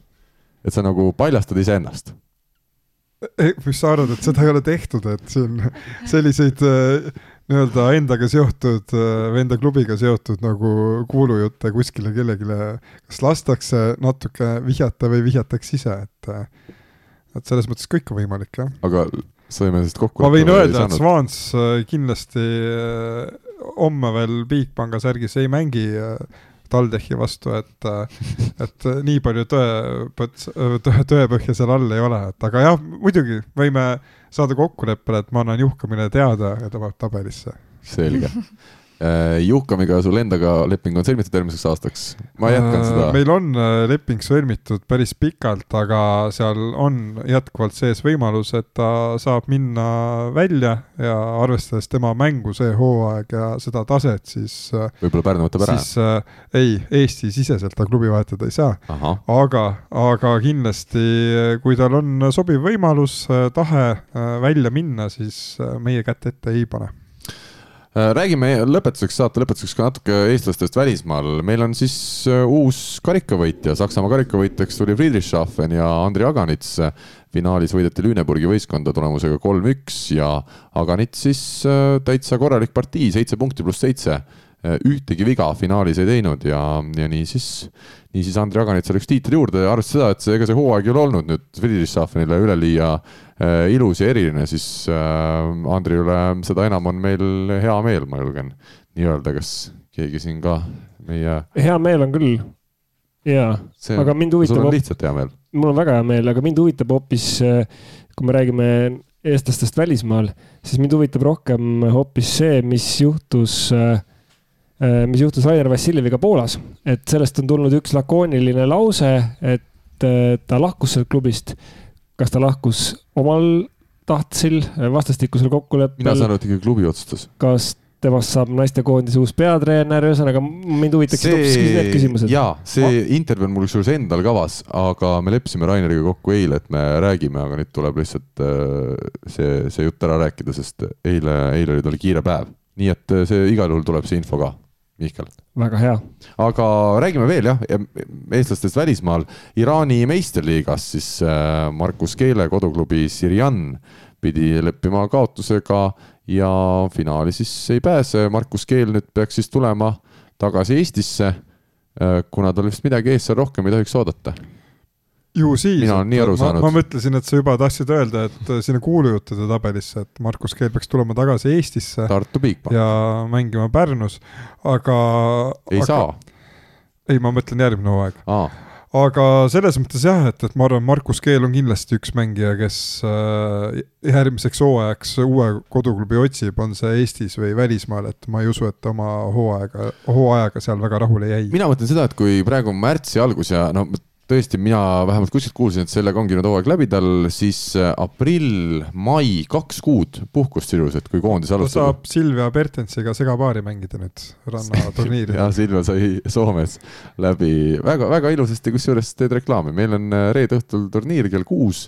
Hendrik, sul on kindlasti reede õhtut kõik Tartus ma, vaba. ma pean Melissa käest küsima meil lihtsalt kindlasti tuleks, ma arvan, tal on nii lähedalt tulla, et see on ainult kokkuleppimise küsimus aga Markus, sa tead, kui kaks kuud on pausi sidemängija jaoks, ta peaks ikka kuskil ennast vist vormis hoidma selle aja Äh, jah, ega ei imesta, kui ta mõne Eesti klubiga treeningutel liitub, et on siin ju näiteid teisigi, et Martti Juhkami eelmine aasta käis ju meil treeningutel, äh, see hooaeg Oliver Venno oli äkki kaks nädalat äh, meie klubi treeningutel. Et, et jah, kui võtta nüüd siit ka väike vihje, et Martti Juhkami osales eelmine hooaeg meie klubi treeningutel, see hooaeg mängis. Venno oli see talv kaks nädalat mine tea, mis edasi saab. aga jaa, ma arvan, et sidemängijale on väga oluline, äh, et need puuted ei jääks nüüd tegemata. Äh, õnneks sidemängija on ka selline, kellega saab teha sellist äh, eratrenni, on söödukorvid, et ta ei pea selleks alati mõne meeskonnaga liituma, aga tal on vaja saali, palle ja abilisi. ja meestekoondis, ma tean, et juba kaheksateist aprill hakkab tegutsema ehk siis äh, õnneks nagu väga suur, suur paus ka ei tule. nojah, sel juhul natuke üle kuu aja jah see ei ole enam maailma lõpp, aga kindlasti mingit praktikat oleks tarvis. Belgias lõppes siis põhiturniir ja kuna meil Belgia liiga on eriti suure luubi all Eesti võrkpallis tänavu mitme meie seal mängiva mehe tõttu, siis Märt Tammearu ja Rööselaare kaotasid siis põhiturniiri viimases mängus Enne Reiali ja Renat Vankeri tööandjale Maassegi Greenyardile üks-kolm Äh, Tammerut üheksa punkti, miinus kaks, Treial aga tõi Maassegile kaheksa punkti pluss seitse ja Vanker oli siis taas mängujuht. Maassegil, no Rööselaare ja Maassegi finaali loomulikult tahaks näha Belgias, see on ilmselt see, mille suunas me kõik äh, loodame, et asjad liiguvad. küsi peatoimetajalt äh, lähetuse võimalust. aa, et, et tema lähetaks mind? täpselt nii. portaali rahade eest? täpselt nii selge, ma, ma uurin talt, ma uurin Gert Olevilt, kuidas hetkel portaalil rahalised seisud on ja, ja saan siis vaadata, kas lubatakse või ei lubata. Väga hea, siin saab Hendrikult kohe siukseid häid mõtteid ka juurde. Äh, kas midagi veel, äh, no Ardo Kreegist me oleme siin rääkinud saates, on paslik siis mainida, et hetkel tabelis neljandal kohal, äh, siin viimane mäng setilt siis Prantsusmaal null kolm kaotus Montpellier'le, nii et ega see seis nüüd väga hea ei paista olevat hetkel ja, aga noh, ometi tundub, et neljanda või viiendana põhiturniir lõpetatakse, mis tähendab seda, et Tours tuleks vastu parimal juhul siis poolfinaalis ja no Tours on hetkel nii võimas, nagu me nägime ka meistrite liigas siis Robert Tähe ja Belhatovi vastu mängis, et mulle tundub, et setil vist küll seal väga suurt šanssi ei pruugi olla. aga esiliigas Prantsusmaal on meie Johan Vahter mängimas siis ja nemad peaksid olema hetkel tabelis viiendal kohal nii et ka tegelikult äh, huvitavad seisud Prantsusmaa esiliigas, sest Robert Viiber ja tema koduklubi siis äh, just Fresüssi ja, ja, ja Vahteriga mängisid, et seal mõlemad meeskonnad on, on play-off'is kaasa löömas ja saab siis näha, kummal lõpuks paremini läheb. Nancyl ja, ja Viiberil hetkel nelikümmend üks punkti ja teine koht ja Fresüssil siis kakskümmend üheksa punkti ja viies koht. vot nii on meil seisud. Mihkel, kas midagi põnevat siia, ma arvan, me võiks rääkida lõpuks veel naiste veerandfinaalseeriatest, mis on siis ka kohe-kohe algamas. me teame, et Tallinna Ülikool Kikas ja Tartu Ülikool Bigbank põhiturniiri kahe paremana läksid otse edasi poolfinaali. aga nüüd siis äh, ülejäänud äh, veerandfinaalpaarid on meil ka teada ja Audentes äh, vältis siis Viljandiga vastamise minemist, viimase mängu pani varumängijad väljakule ja mängib tänu sellele Rae spordikool Viiastoniga ja Võru läheb siis vastamisi Viljandi Metalliga. ja põhiturniiri lõpus oli siis kaks mängu, kus Viljandi ja Audentes omavahel vastamisi läksid, kõigepealt äh, Viljandis Audentes võitis kolm-üks, see oli neile vajalik selleks, et lõpetada põhiturniir kolmandana Võru ees ja viimases mängus, kus Audentese jaoks midagi enam kaalul ei olnud, küll aga Viljandi jaoks oli kaalul, siis seal Audentes mängis varumängijatega laias laastus, mitte nüüd kõik ei olnud päris varumängijad, aga ütleme, põhiraskust kandsid ikkagi varumängijad ja seal Viljandi võitis kindlalt äh, kolm-null. Mis tähendab jah, siis nüüd, et homme ehk kolmapäeval mängivad kõigepealt Võrus, Võru ja Viljandi omavahel ja samamoodi siis Tallinnas on Audentes ja Rae ja kahe võiduni mängitakse, nii et teine on, teine mäng on kaheteistkümnendal märtsil siis vastavalt Viljandis ja Jüris. Ja siis, kui vaja, siis ka kolmas mäng kolmeteistkümnendal märtsil, nii et noh, päris sellised, ma arvan, see Võru-Viljandi võib päris noh, selles mõttes tasavägine tulla, et Võru pole nüüd tükk aega regulaarselt mänginud vähemalt, neil on, neil on olnud selliseid äh, pause, kuna nad Balti liigas äh, langesid konkurentsist välja äh, ja Eesti liigas nad vist mängisid seal vabariigi aastapäeva eel ühe mängu ja siis tegelikult vist enne seda, kui ma peast ütlen, äkki ühe mängu veel veebruaris, aga muidu mängisid jaanuaris. et Balti liigas ilmselt seal oli veel, veel mingeid mänge ka, aga minu meelest neil on nagu sellist äh,. Neid ei neid ei ole väga palju näha olnud viimasel ajal, et, et aga huvitav on näha, et noh, ma ise julgeks öelda, et Võru võiks olla Viljandile nagu küll vastane, keda nad. kas jälle on see on see koht, kus me nagu ei nõustu kõigega või? Eh, miks? ei, ma, ma arvan küll, et Viljandi siin Võru vastu võiks, võiks ära võtta selle. no ma, ma arvan, kindlalt võtab ära. ma ütleks pigem nii, aga ma, ma ei annaks nagu seda nüüd noh, niimoodi juba ette nagu. ei, seda küll, jah. sest noh, Audentes, kes sai, kes sai napilt Võru ees kolmanda koha, võitis ju neid selgelt kolm-üks võõrsil. et ja seal ju noh, seal, seal ei olnud nagu äh, väga seda, seda äh, noh, see, see ei olnud nagu ülipingeline mäng selles mõttes, et see teine game, et Viljandi ta kätte sai, seal ma nagu ütlesin, üksteist null mindi juhtima ja tänu sellele see, see, see, see mäng, see game ka ära tuli. aga jah, selles, selles äh, veerandfinaalpaaris mina annaks Viljandile kahtlemata eelise ja teises veerandfinaalpaaris jällegi selgelt Audentesele eelise. ma, jah, ma, ma jah, ma tahaks ka kommenteerida, et äh, Võru Viljandi, jah, et Võru Viljandi puhul Äh, ma arvan, hästi palju sõltub tegelikult sellest, äh, kes Võrul platsil on, et kas tuleb ka Austriast appi Anett Hollas, selle kohta mul praegu info puudub. aga ma arvan küll, et äh, Võru ei ole kindlasti mingi selline lihtne vastane Viljandile, et nii palju, kui meie oleme Võruga see hooaeg mänginud, siis need olid ikkagi gramm raskemad mängud kui see viimane mäng Viljandiga. ehk siis ma arvan küll, et Võru äh, kellel on ka koduväljaku eelis, on kindlasti võimeline sealt edasi minema, plaan on ka homset mängu vaatama minna. ja, ja mina pigem panustaksin Võrule. ahah, üks-üks praegu. ja, ja, ja teine veerandfinaalpaar, me ju kõik äh, mäletame, kui tuline ja tasavägine oli karika poolfinaal tegelikult, kus äh, Rael oli lüüa pall, et minna ise naiste karikavõistluste finaali. ja neil oli aga... täiesti nagu, kus see suhteliselt nagu hea ja lihtne pall pigem isegi ära lüüa.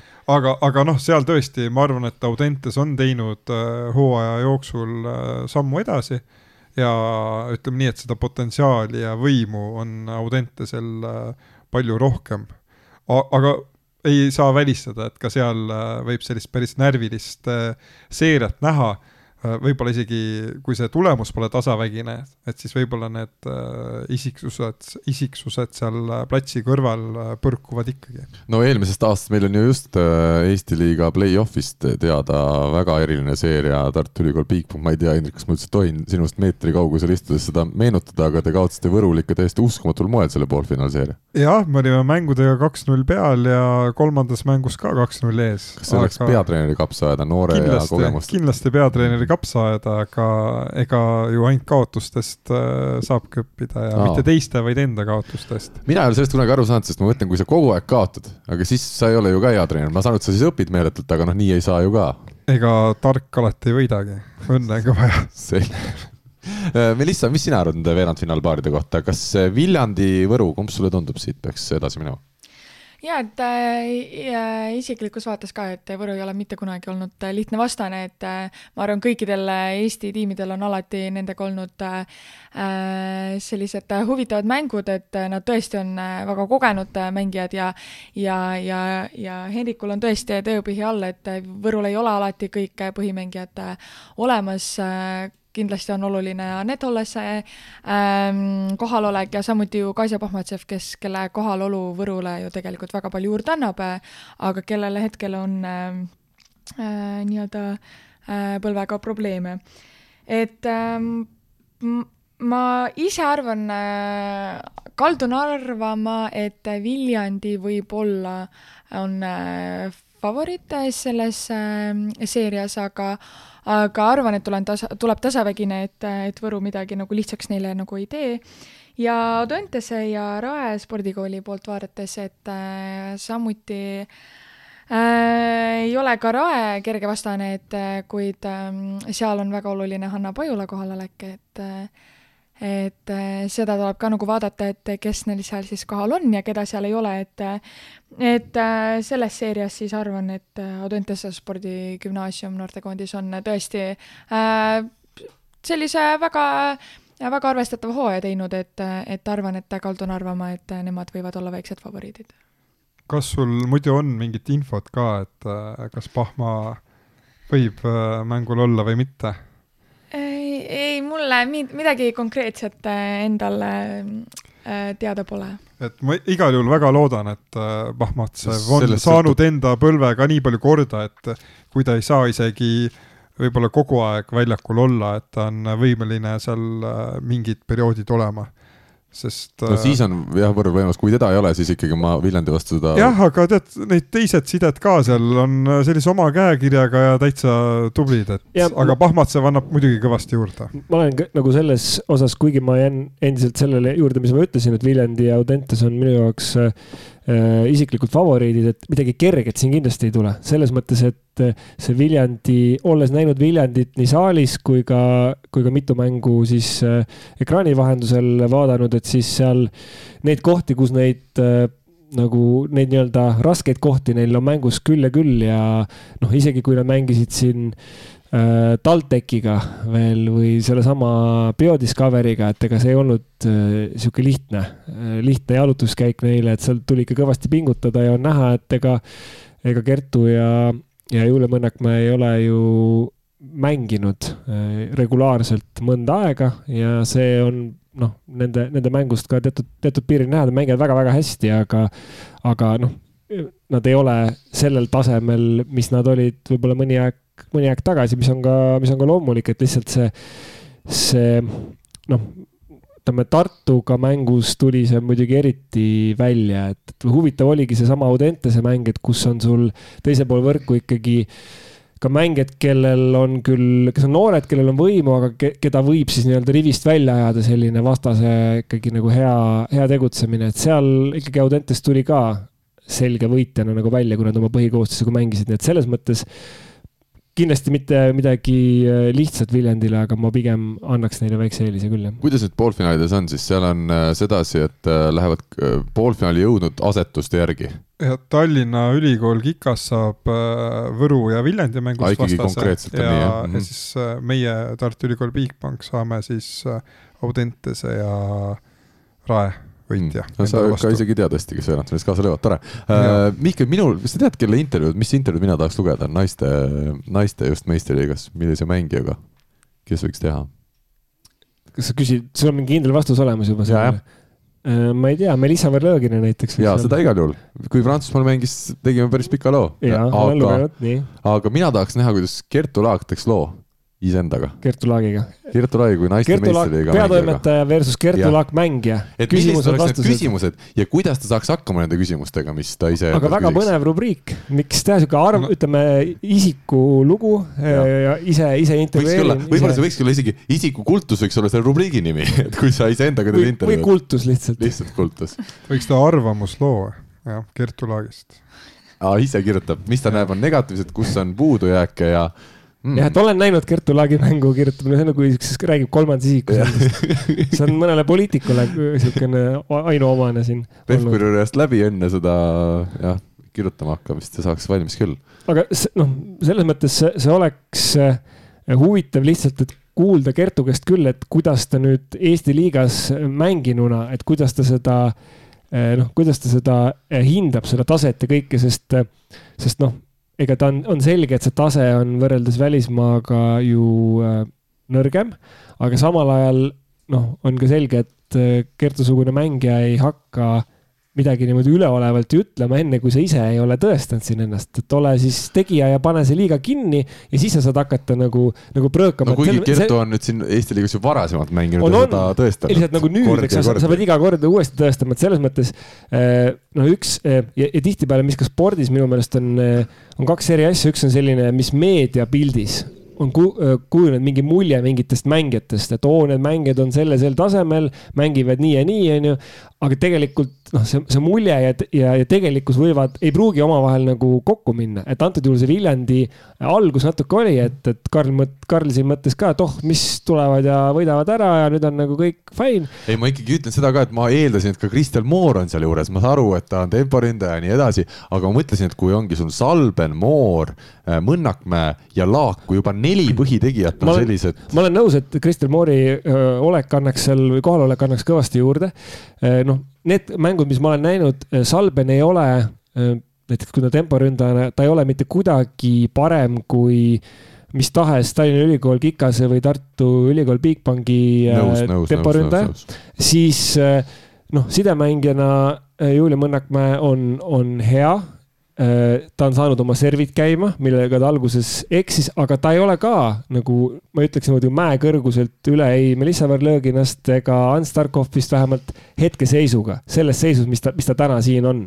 et ta ei ole selline mäekõrgust üle. Kertu Laak absoluutselt servid, äh, kui ta jällegi need käima saab, väga võimsad, aga tal tuleb ka eksimusi sisse ja ta ilmselgelt ka ei jõua, et, äh, et kui ta ikkagi siin paar-kolm servi ära paneb siuksed kõvad laksud, et ega noh, ta ei suuda sihukest äh, pikka serviseeriat teha ja kui kõik nagu tõsted nagu tema peale lähevad, et ta ka lihtsalt füüsiliselt juba ühel hetkel nagu väsib ja teiselt poolt näitasid siin ka nii Audentese mäng tegelikult kui ka Tartu mäng, et tema vastu saadi ka plokki, teda hakati ka mingi hetk ähm, siis nii-öelda kõik nende ületulevate, mitte siis serviga küll, servi vastuvõtul ta üldiselt ei osalenud, aga ütleme, et ületulevate sihukeste pallidega hakati teda otsima, et teda, teda nagu üritada äh, rünnakult siis nagu välja äh, välja saada ja teiselt poolt kaitses osatakse ka seista ja ega noh, need, need löögid on väga-väga tugevad ja osasid ei olegi võimalik seal vastu võtta, mis Kertu teeb, aga, aga osade puhul on vaja seista lihtsalt ja kui on lagi vähegi kõrgem kui TTÜ spordihoones või Kaunase spordihoones, siis on võimalik need pallid mängu jätta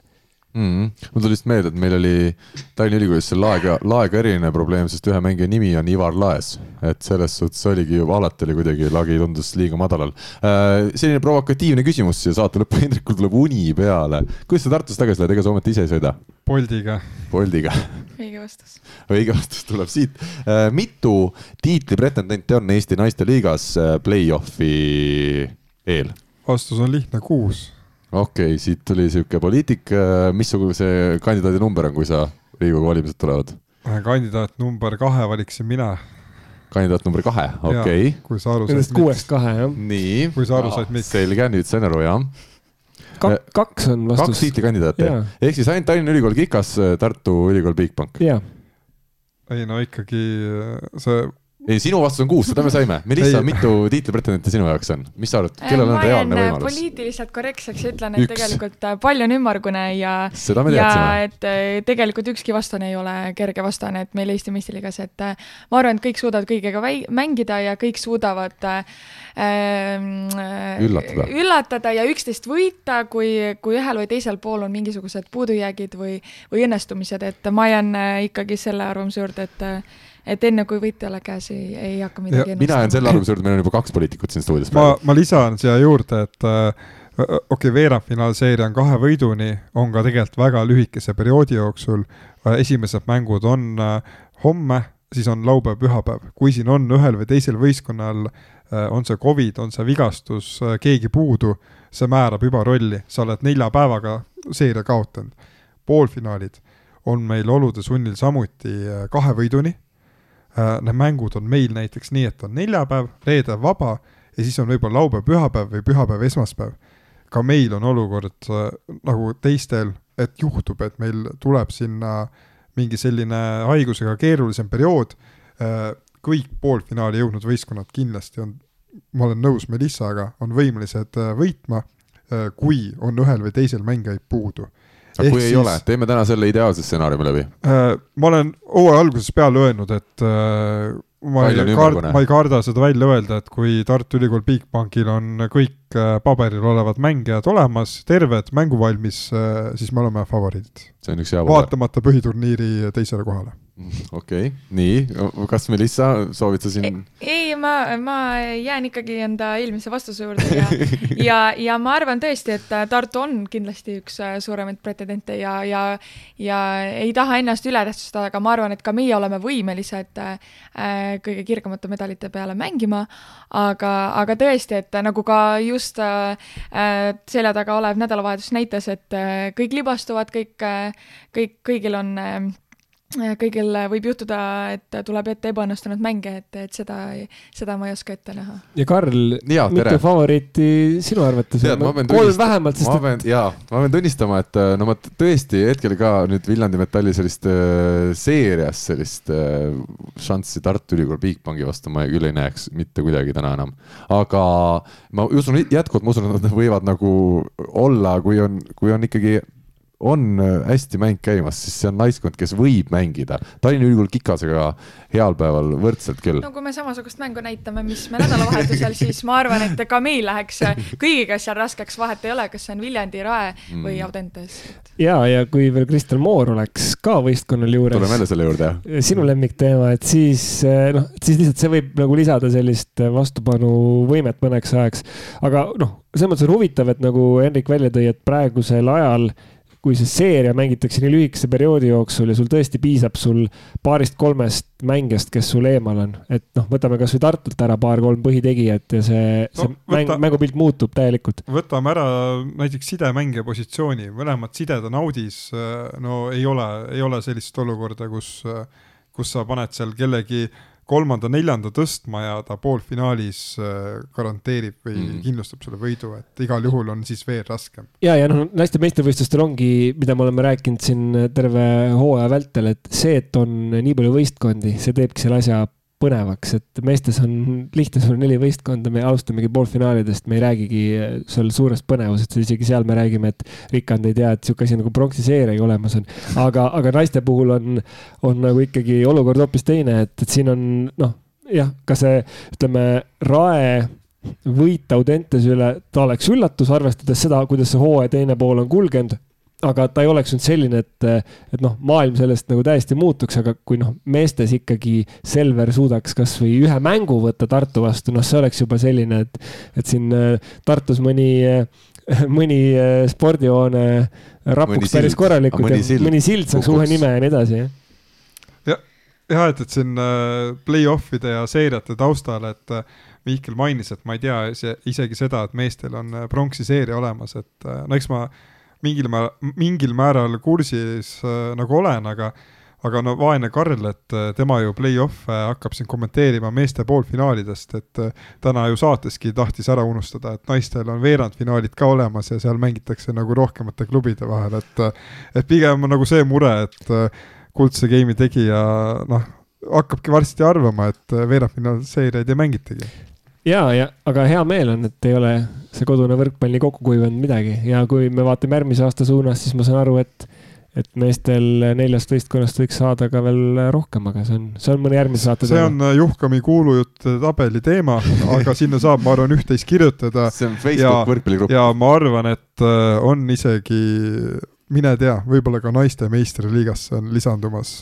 võistkondi või nime muutmas, nii et eks me näe okei okay., mina just ütlen äh, selle teema lõppu, mis te vahepeal juba läksite siin mööda Emajõge ja kus iganes Pirita jõge oma, oma teemade juurde ja, ja leidsite jälle oma lemmikteemad üles, siis ma ütlen selle ära, et äh, naiste Eesti meistrivõistlustel on pärast Balti liiga finaalturniiri minu jaoks üks tiitlipretendent, see on Tartu Ülikool Bigbank.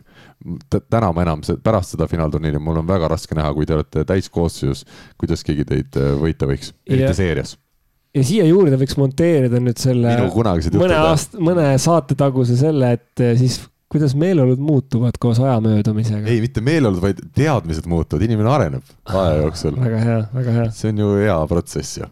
nii, head võrkpallisõbrad, aitäh teile kuulamast, mina tänan Melissat eriti, et ta ikkagi tuli vastu kutsele ja, ja tuli saatesse. Hendrik ja Mihkel, teid ma nii kõvasti tänada ei tahaks. Te tulete ka siis, kui ma ei kutsu. täna ikka täna ikka, me alustasime saadet ju mäletad tänamisest ja kui oluline see kõik on, et äh, täname, täname tegelikult kõiki neid võrkpallureid, kes äh, oma tööde, õpingute ja muude tegemiste kõrvalt. Äh, laste kõrvalt. laste ja perede kõrvalt pakuvad meile kõneainet siin iga mm. nädal ja et meil on, mida vaadata jah, et neil naisvõrkpalluritel seda jaksu jätkuks, et äh, see, ütleme, et meie võrkpallielu huvitavaks teha ilusat naistepäeva jätku, aitäh teile, kohtume taas. Eesti kõige põnevamad podcastid on Delfis, kuula tasku.delfi.ee